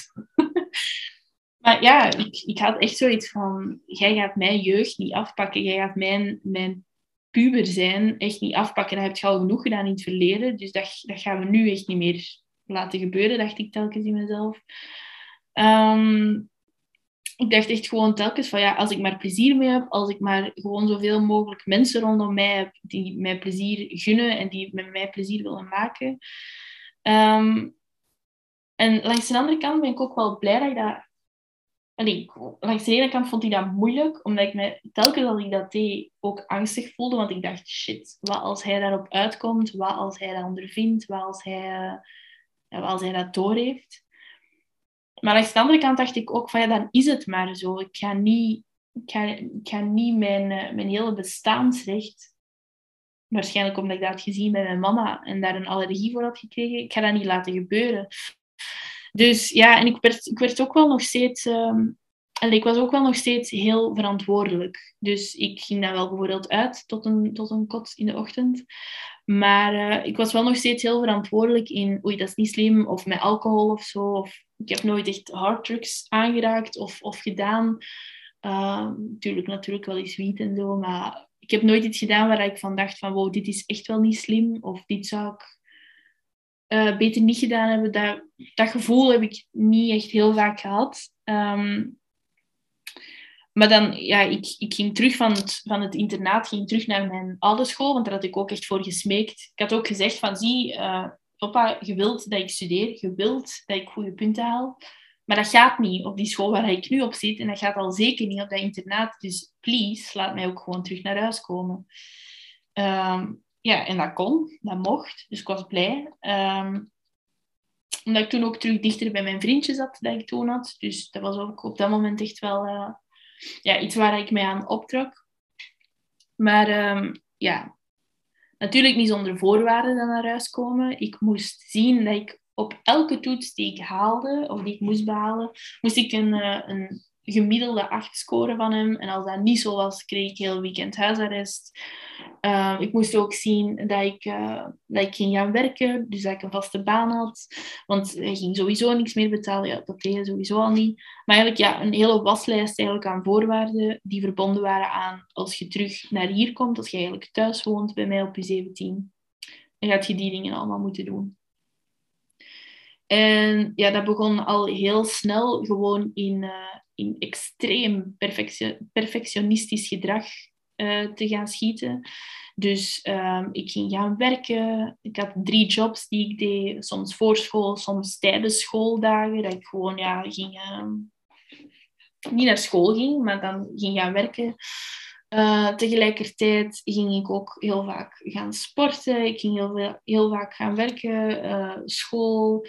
Uh, ik was op mijn voeding aan het letten. Op één jaar tijd had ik denk ik in totaal 10, 12 kilo verloren. Dus echt wel ineens... Ja, ik zag er ook niet gezond mager uit. Ik, ik zag er echt zo een beetje... Ja, een beetje, ja, echt erg, maar zo, zo afgeleefd mager uit. Zo letterlijk van, oei, het gaat niet goed, mager. dus ja, dat was, dat was echt wel uh, heel heftig. Die, uh, die, die gevoelens die ik daar toen bij die naar boven kwamen, waren vooral van, ik moet gewoon goed genoeg zijn. Ik moet gewoon zien dat ik perfect ben. Ik moet zien dat ik, dat ik gewoon mijn allerbeste doe voor mijn vader, zodat mijn vader mij toch maar eens ziet staan, zodat mijn vader mij toch eigenlijk ja, bevestiging geeft van dat ik een goede dochter was. En effectief, um, mijn punten waren goed. Ik had, ik had denk ik uh, ja, meer dan, dan het gemiddelde. Ik was tien keer overmaagd, hè, dus dik kon hij mij ook niet meer noemen, dacht ik. Maar nog steeds was het niet goed. En eigenlijk op het moment dat, dat ik dat allemaal had bereikt, zei hij letterlijk, nu moet je het huis uit nu moet je gewoon afbollen eigenlijk. Dus ik, ja, ik viel echt in een zwart gat, want ik dacht van, hoezo? Ik heb alles gedaan wat je vroeg. Ik heb goede punten gehaald. Ik heb, ik heb gezien dat ik veel heb gewerkt. Je moet voor niets betalen. Voor niets, voor niets, voor niets moet jij betalen. Uh, ik, heb, ik heb gezien dat ik gesport heb. Uh, dik ben ik niet meer. Ik zie er nu uit zoals dat jij wilt. Een magere dochter. Een dochter waar je dan eh, trots op kunt zijn. Want als ik dik was, was dat niet zo. En ja, op dat moment zei hij gewoon van ja, uh, dat heb ik allemaal nooit gezegd. Dus dan kwam het gaslighten terug naar boven. Van ja, dat heb ik allemaal nooit gezegd. Uh, maar je kunt hier niet meer langer blijven wonen. Uh, je bent onhandelbaar. Dat zei hij toen. Dus voor mij was dat van onhandelbaar? Hoezo dan? Hoezo ben ik onhandelbaar als ik letterlijk een heel jaar lang heb gevraagd, heb gedaan wat jij hebt gevraagd en gewoon eigenlijk heb, heb ja, naar je pijpen gedanst zoals dat je altijd al hebt verwacht van mij. Nu deed ik het volledig en het was nog niet goed. Um, ja, dus ik, ik raakte een beetje in paniek. Ik dacht van, wat moet ik nu doen? Ik wou gaan verder studeren. Ik wist ook nog niet zo goed wat. Uh, ondertussen dan die drie jobs die ik aan het werken was. Uh, ja, het eerste wat in mij opkwam was toen van, ja, ik moet, moet sparen. Ik moet zien dat ik zoveel mogelijk ga sparen. Dat ik zoveel mogelijk ga werken. Um, ja, dat gaf mij enorm veel angst. Dus ik kreeg toen ook echt wel zware paniekaanvallen. Um, en ja, toch ook wel terug dichtleunend aan bij depressie. Of toch, ja, depressieve periode. Um, maar langs de andere kant had ik ook zoiets van... Ik ga niet laten gebeuren dat je, mij, dat je mij laat klein krijgen. Ik ga niet laten gebeuren dat, net zoals mijn moeder, ik hierdoor qua gezondheid iets ergs meemaakt. Of ik ga niet laten gebeuren dat, dat jij de volledige macht gewoon over mij maar kunt hebben en kunt denken wat dat je kunt doen uh, waar dat jij van denkt dat oké is om te doen. Want dat was niet zo in mijn hoofd. En dat is ook letterlijk niet zo natuurlijk. Um, dus ik verzet me steeds meer tegen mijn vader. Dus ik zeg van ja, ik blijf wel gewoon thuis wonen. Ik ga echt niet op mijn, uh, op mijn 18 al ergens naartoe om helemaal alleen te wonen. Ik heb geen geld. Ik werk drie jobs. Ik kan niet nog meer doen. Ik ben net afgestudeerd. Maar het werd gewoon nog erger. Hij begon mij toen te bedreigen uh, mijn mes. Dus als ik dan bijvoorbeeld niet wegging, dan, dan kwam hij ineens mijn mes aan zwaaien. Soms midden in de nacht ook gewoon heel eng. Dat hij mijn kamer dan binnenkwam en zei van ja, zit jij nu te slapen? Bol het af of zo. Of juist omgekeerd, als ik er dan niet was, dan begon hij mij dertig keer naar elkaar te bellen om te vragen waar ik zat, waar ik was, waar ik heen ging, uh, met wie ik omging, wanneer ik ging thuiskomen enzovoort. Dus um, ja, heel verwarrend. Want ik dacht, ja, als ik thuis ben, is het niet goed. Als ik wel thuis ben, is het allemaal te veel, is het allemaal te lastig. Als ik niet thuis ben, dan, dan is, het, is het hek ook gewoon van de dam. Wat wilt je dan dat ik doe? Wat wilt, wat wilt je dan dat er gebeurt? Um, en op een gegeven moment komt het toch tot een, uh, tot een escalatie. Ik word heel erg ziek, ik krijg een zware, zware sinusontsteking. Um, die meerdere keren in dat jaar van drie jobs en heel veel gaan werken en, en extreem hard vermagen ook uh, terugkomt. Krijg natuurlijk telkens door de dokter uh, pillen voorgeschreven, want het is gewoon een verkoudheid, het is gewoon een sinusitis. Maar ja, ik dacht ook, ja, zes keer op een jaar een verkoudheid hebben, is ook niet normaal.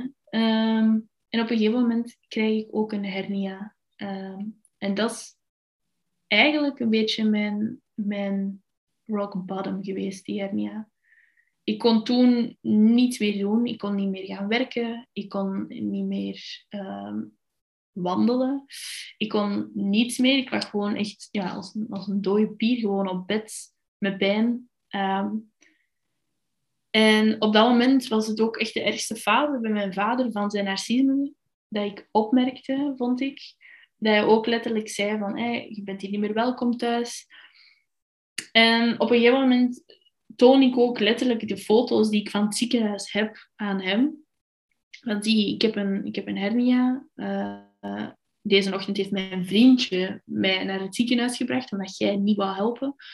Um, deze, nee, deze ochtend hebben ze foto's genomen. Het is heel duidelijk te zien dat ik een hernia heb. Hoezo gelooft jij mij niet? Want hij geloofde mij gewoon niet dat ik een hernia had en dat ik ziek was.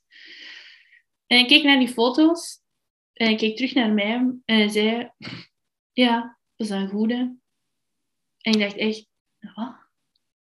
Hoezo, dat is dan goed? Wat, wat is dan goed? Ik werd, ja, ik werd helemaal furieus.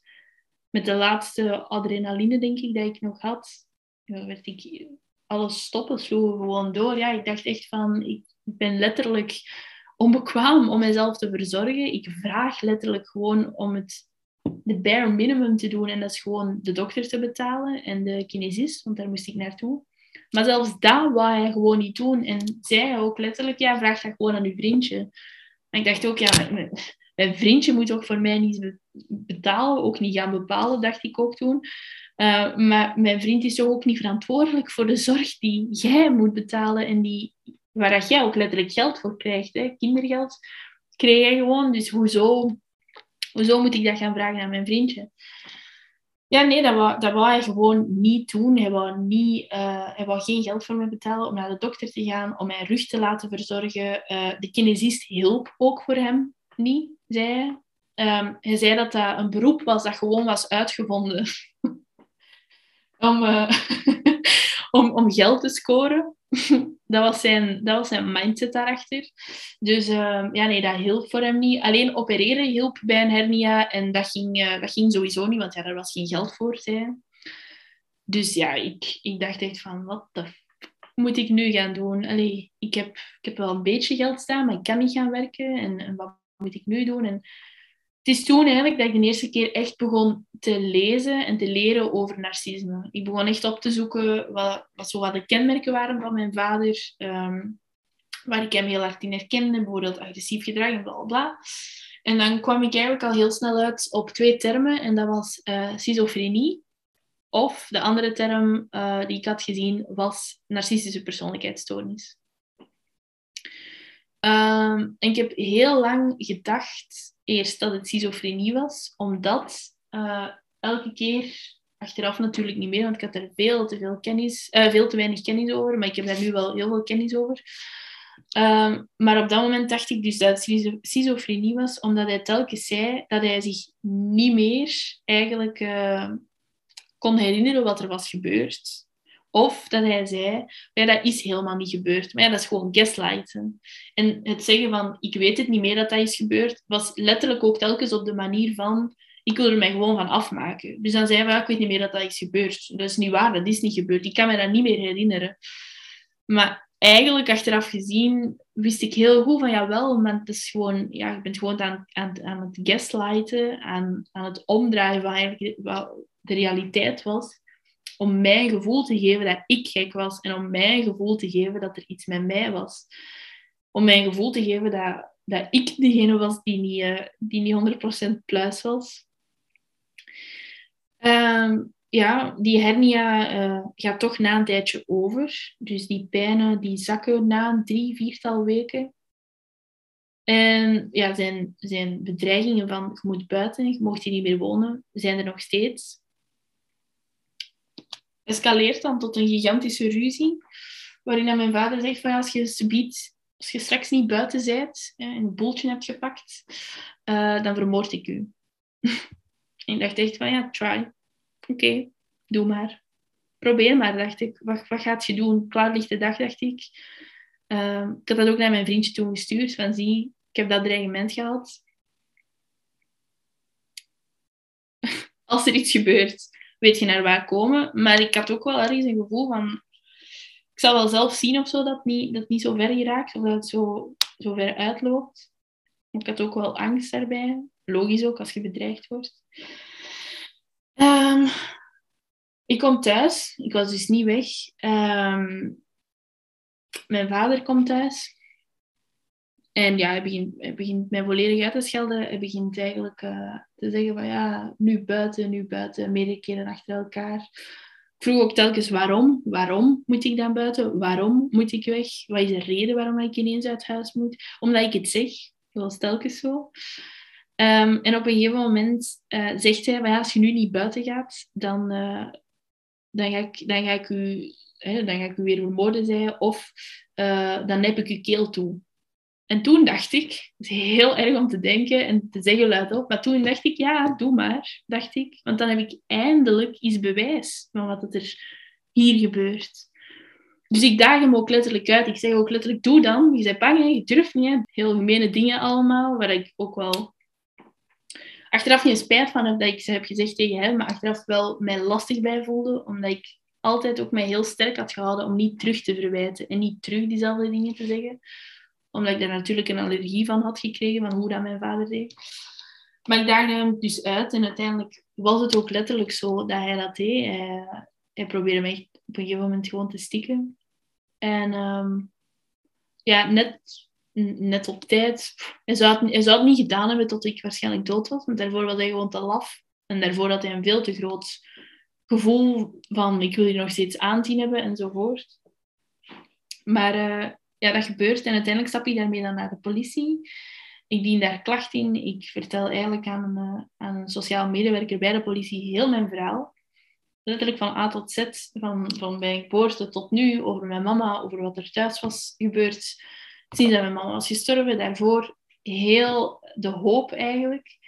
Ehm, en die sociale assistente die vraagt ook van ja, is, is het school hier al bij betrokken geweest? CLB, jongerenwelzijn, die instanties. Dus ja, ik zeg natuurlijk, tuurlijk, je, kunt die, je kunt die dossiers gewoon inkijken, die zijn er, uh, doe maar. Ze maakt er een klacht van. Ja, mijn vader wordt daar natuurlijk ook voor opgeroepen. Ook weer dreigementen. Maar ja, als dat echt zo is dat je mij hebt aangegeven bij de politie, dan vermoord ik u, dan weet ik u te vinden. Ehm, maar in die tussenperiode eigenlijk van het, aan, het indienen van die klacht en dan het, uh, ja, het aangaan bij mijn vader, het vertrekken bij mijn vader, uh, ben ik op zoek naar een kot, naar een studentenkot, want ik wil gaan studeren. Ik schrijf mij ook in in Antwerpen voor marketing. Uh, ik heb ondertussen ook wat geld verdiend. Dus dat, dat, was, dat, ja, dat was een periode dat op zich wel oké meer ging, meer stabiliteit. Ik voelde mij ook terug iets beter. Um, ik vind een kot in Antwerpen en ja, die eerste week van het studentenjaar start.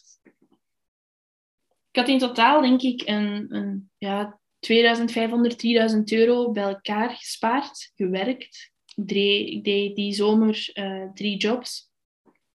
Dus uh, ja, ik, had, ik had enorm veel gewerkt.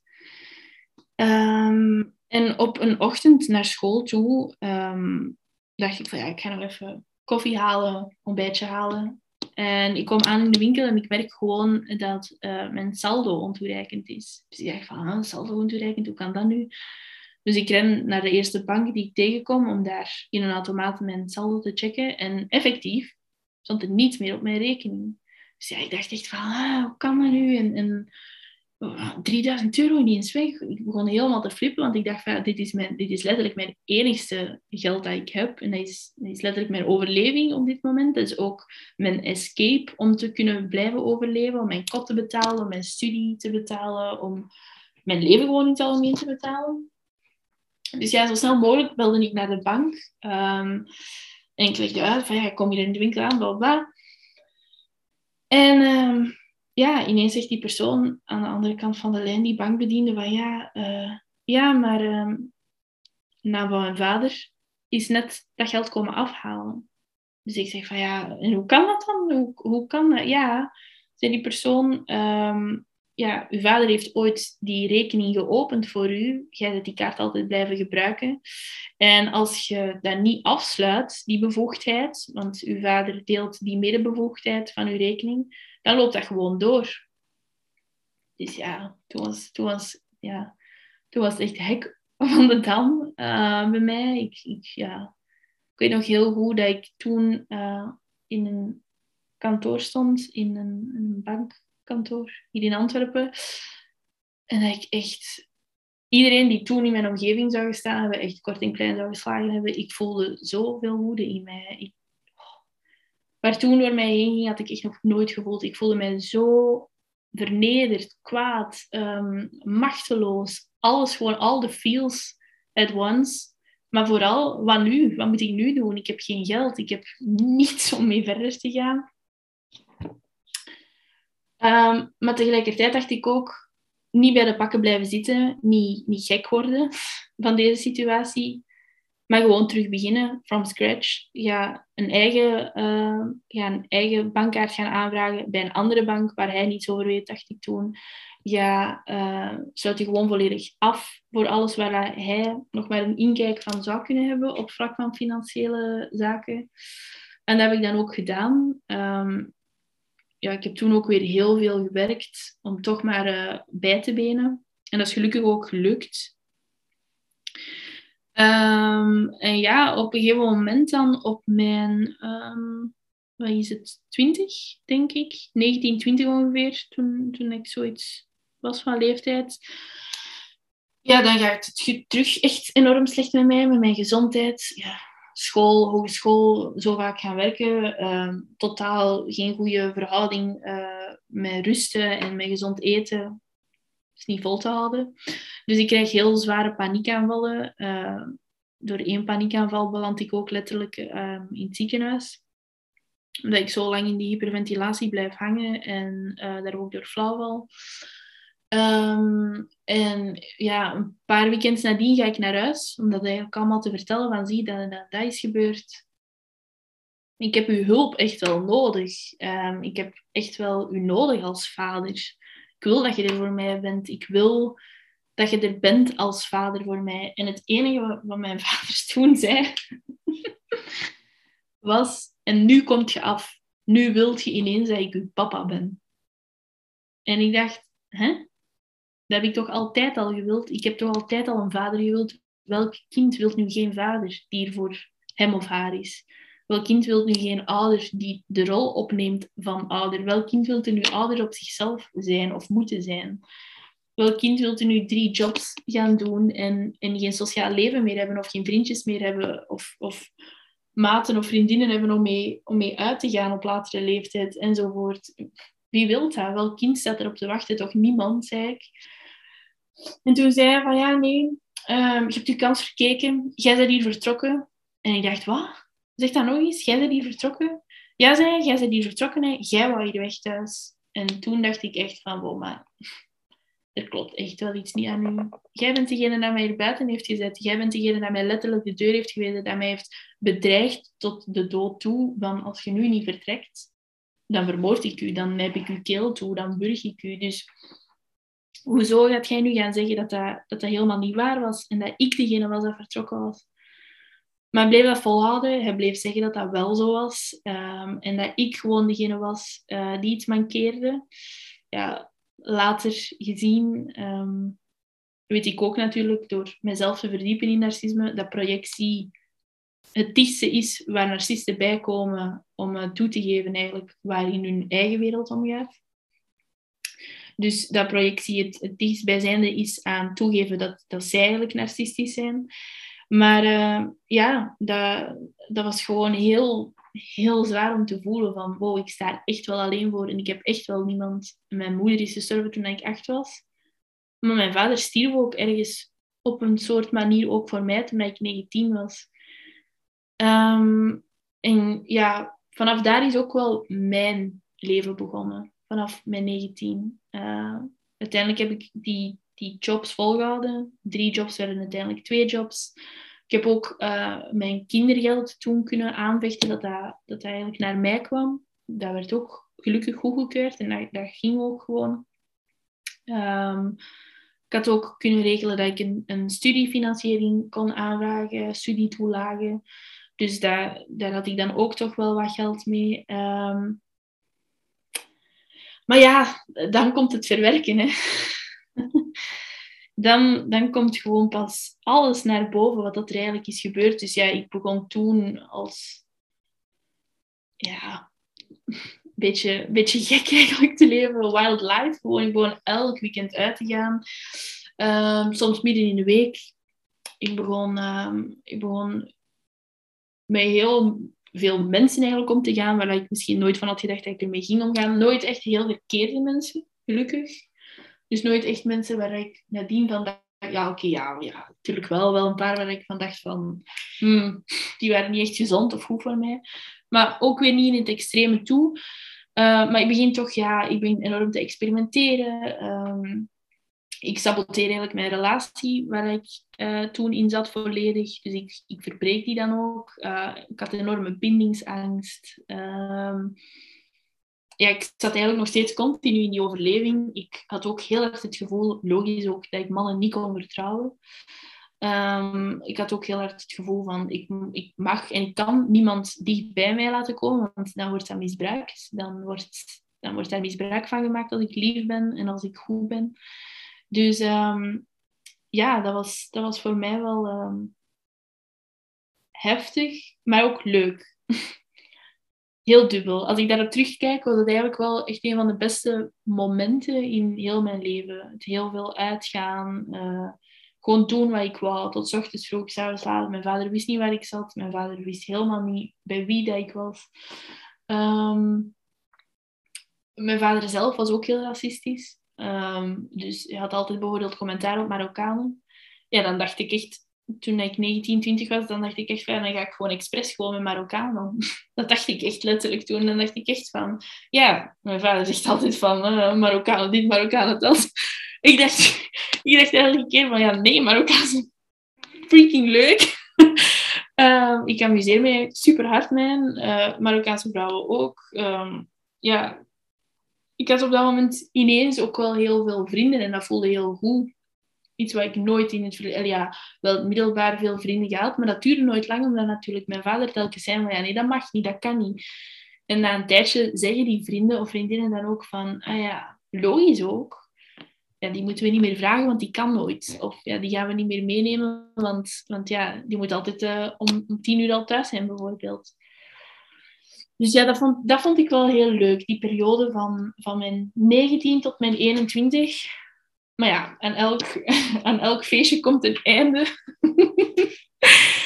Dan werd het ook natuurlijk een beetje te veel van het goede. Uh, ik begon dat ook wel in te zien. Van, ik kan ik kan niet zo verder blijven gaan. En dit is ook natuurlijk mijn doel niet in mijn leven. Want dat had ik toch wel van jonge leeftijd, 14, 15, dat ik iets wil betekenen.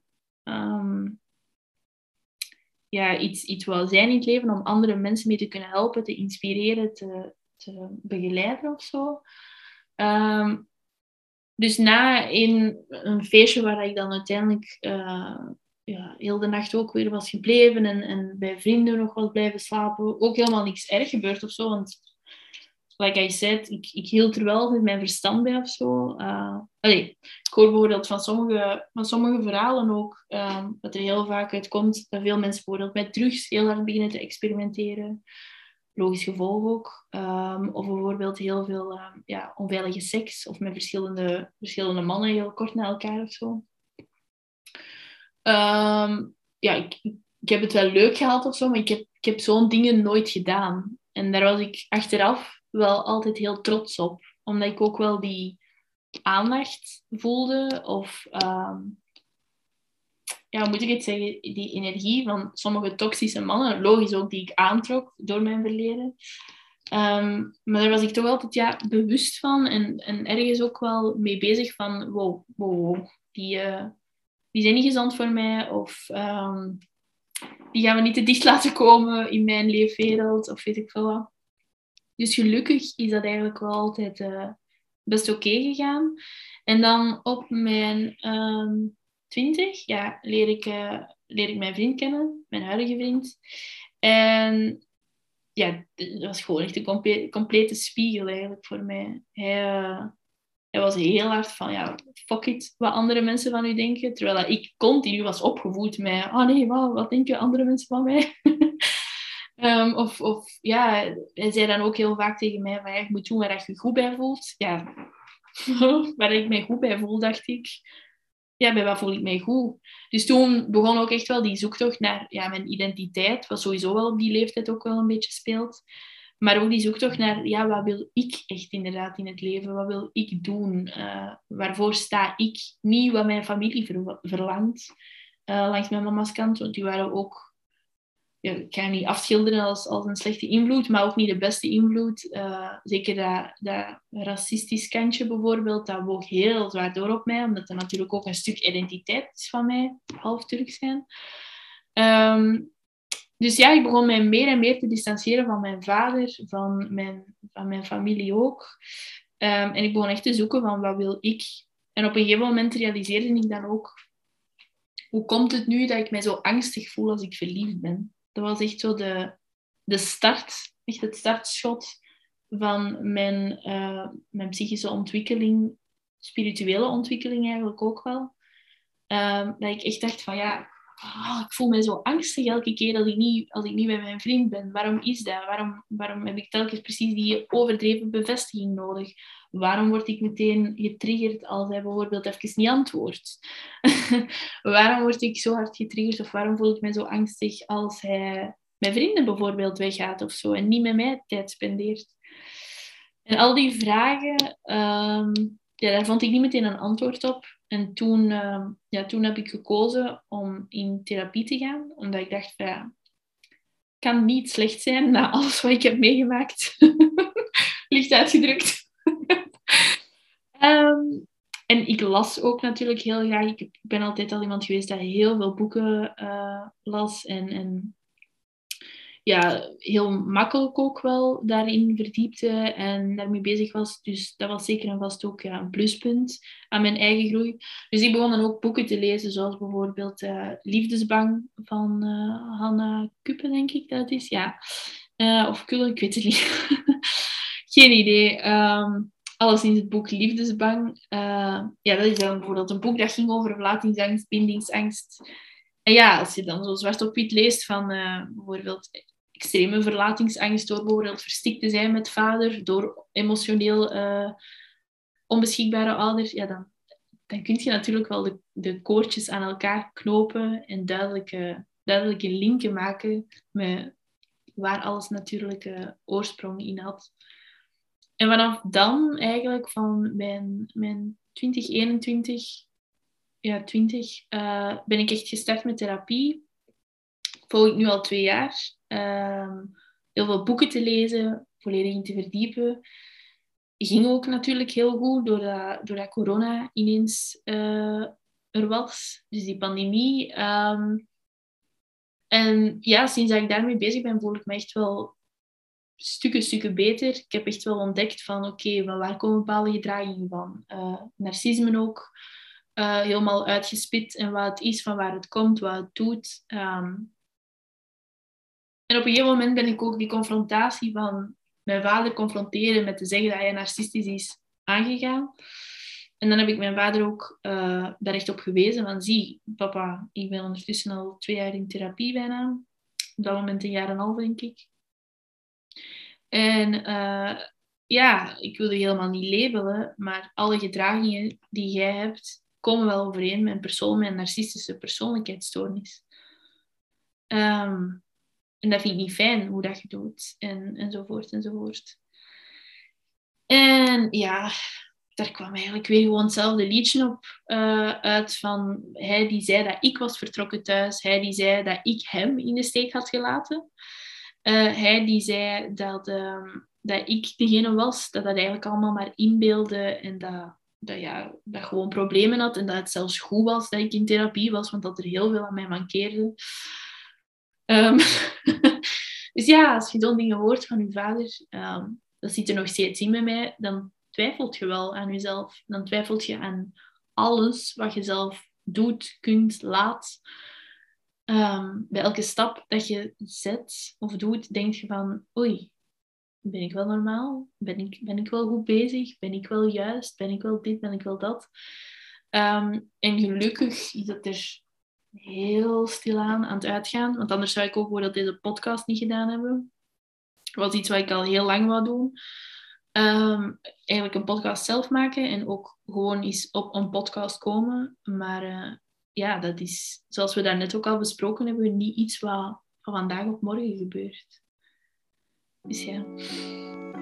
Vond je deze podcast nu inspirerend of leerzaam? Deel hem dan met je vrienden. Ook kun je deze podcast volgen op Spotify. Dan word je op de hoogte gehouden wanneer er weer een nieuwe aflevering online staat. Ik wil je bedanken voor het luisteren en tot volgende week vrijdag. Liefs, Kim.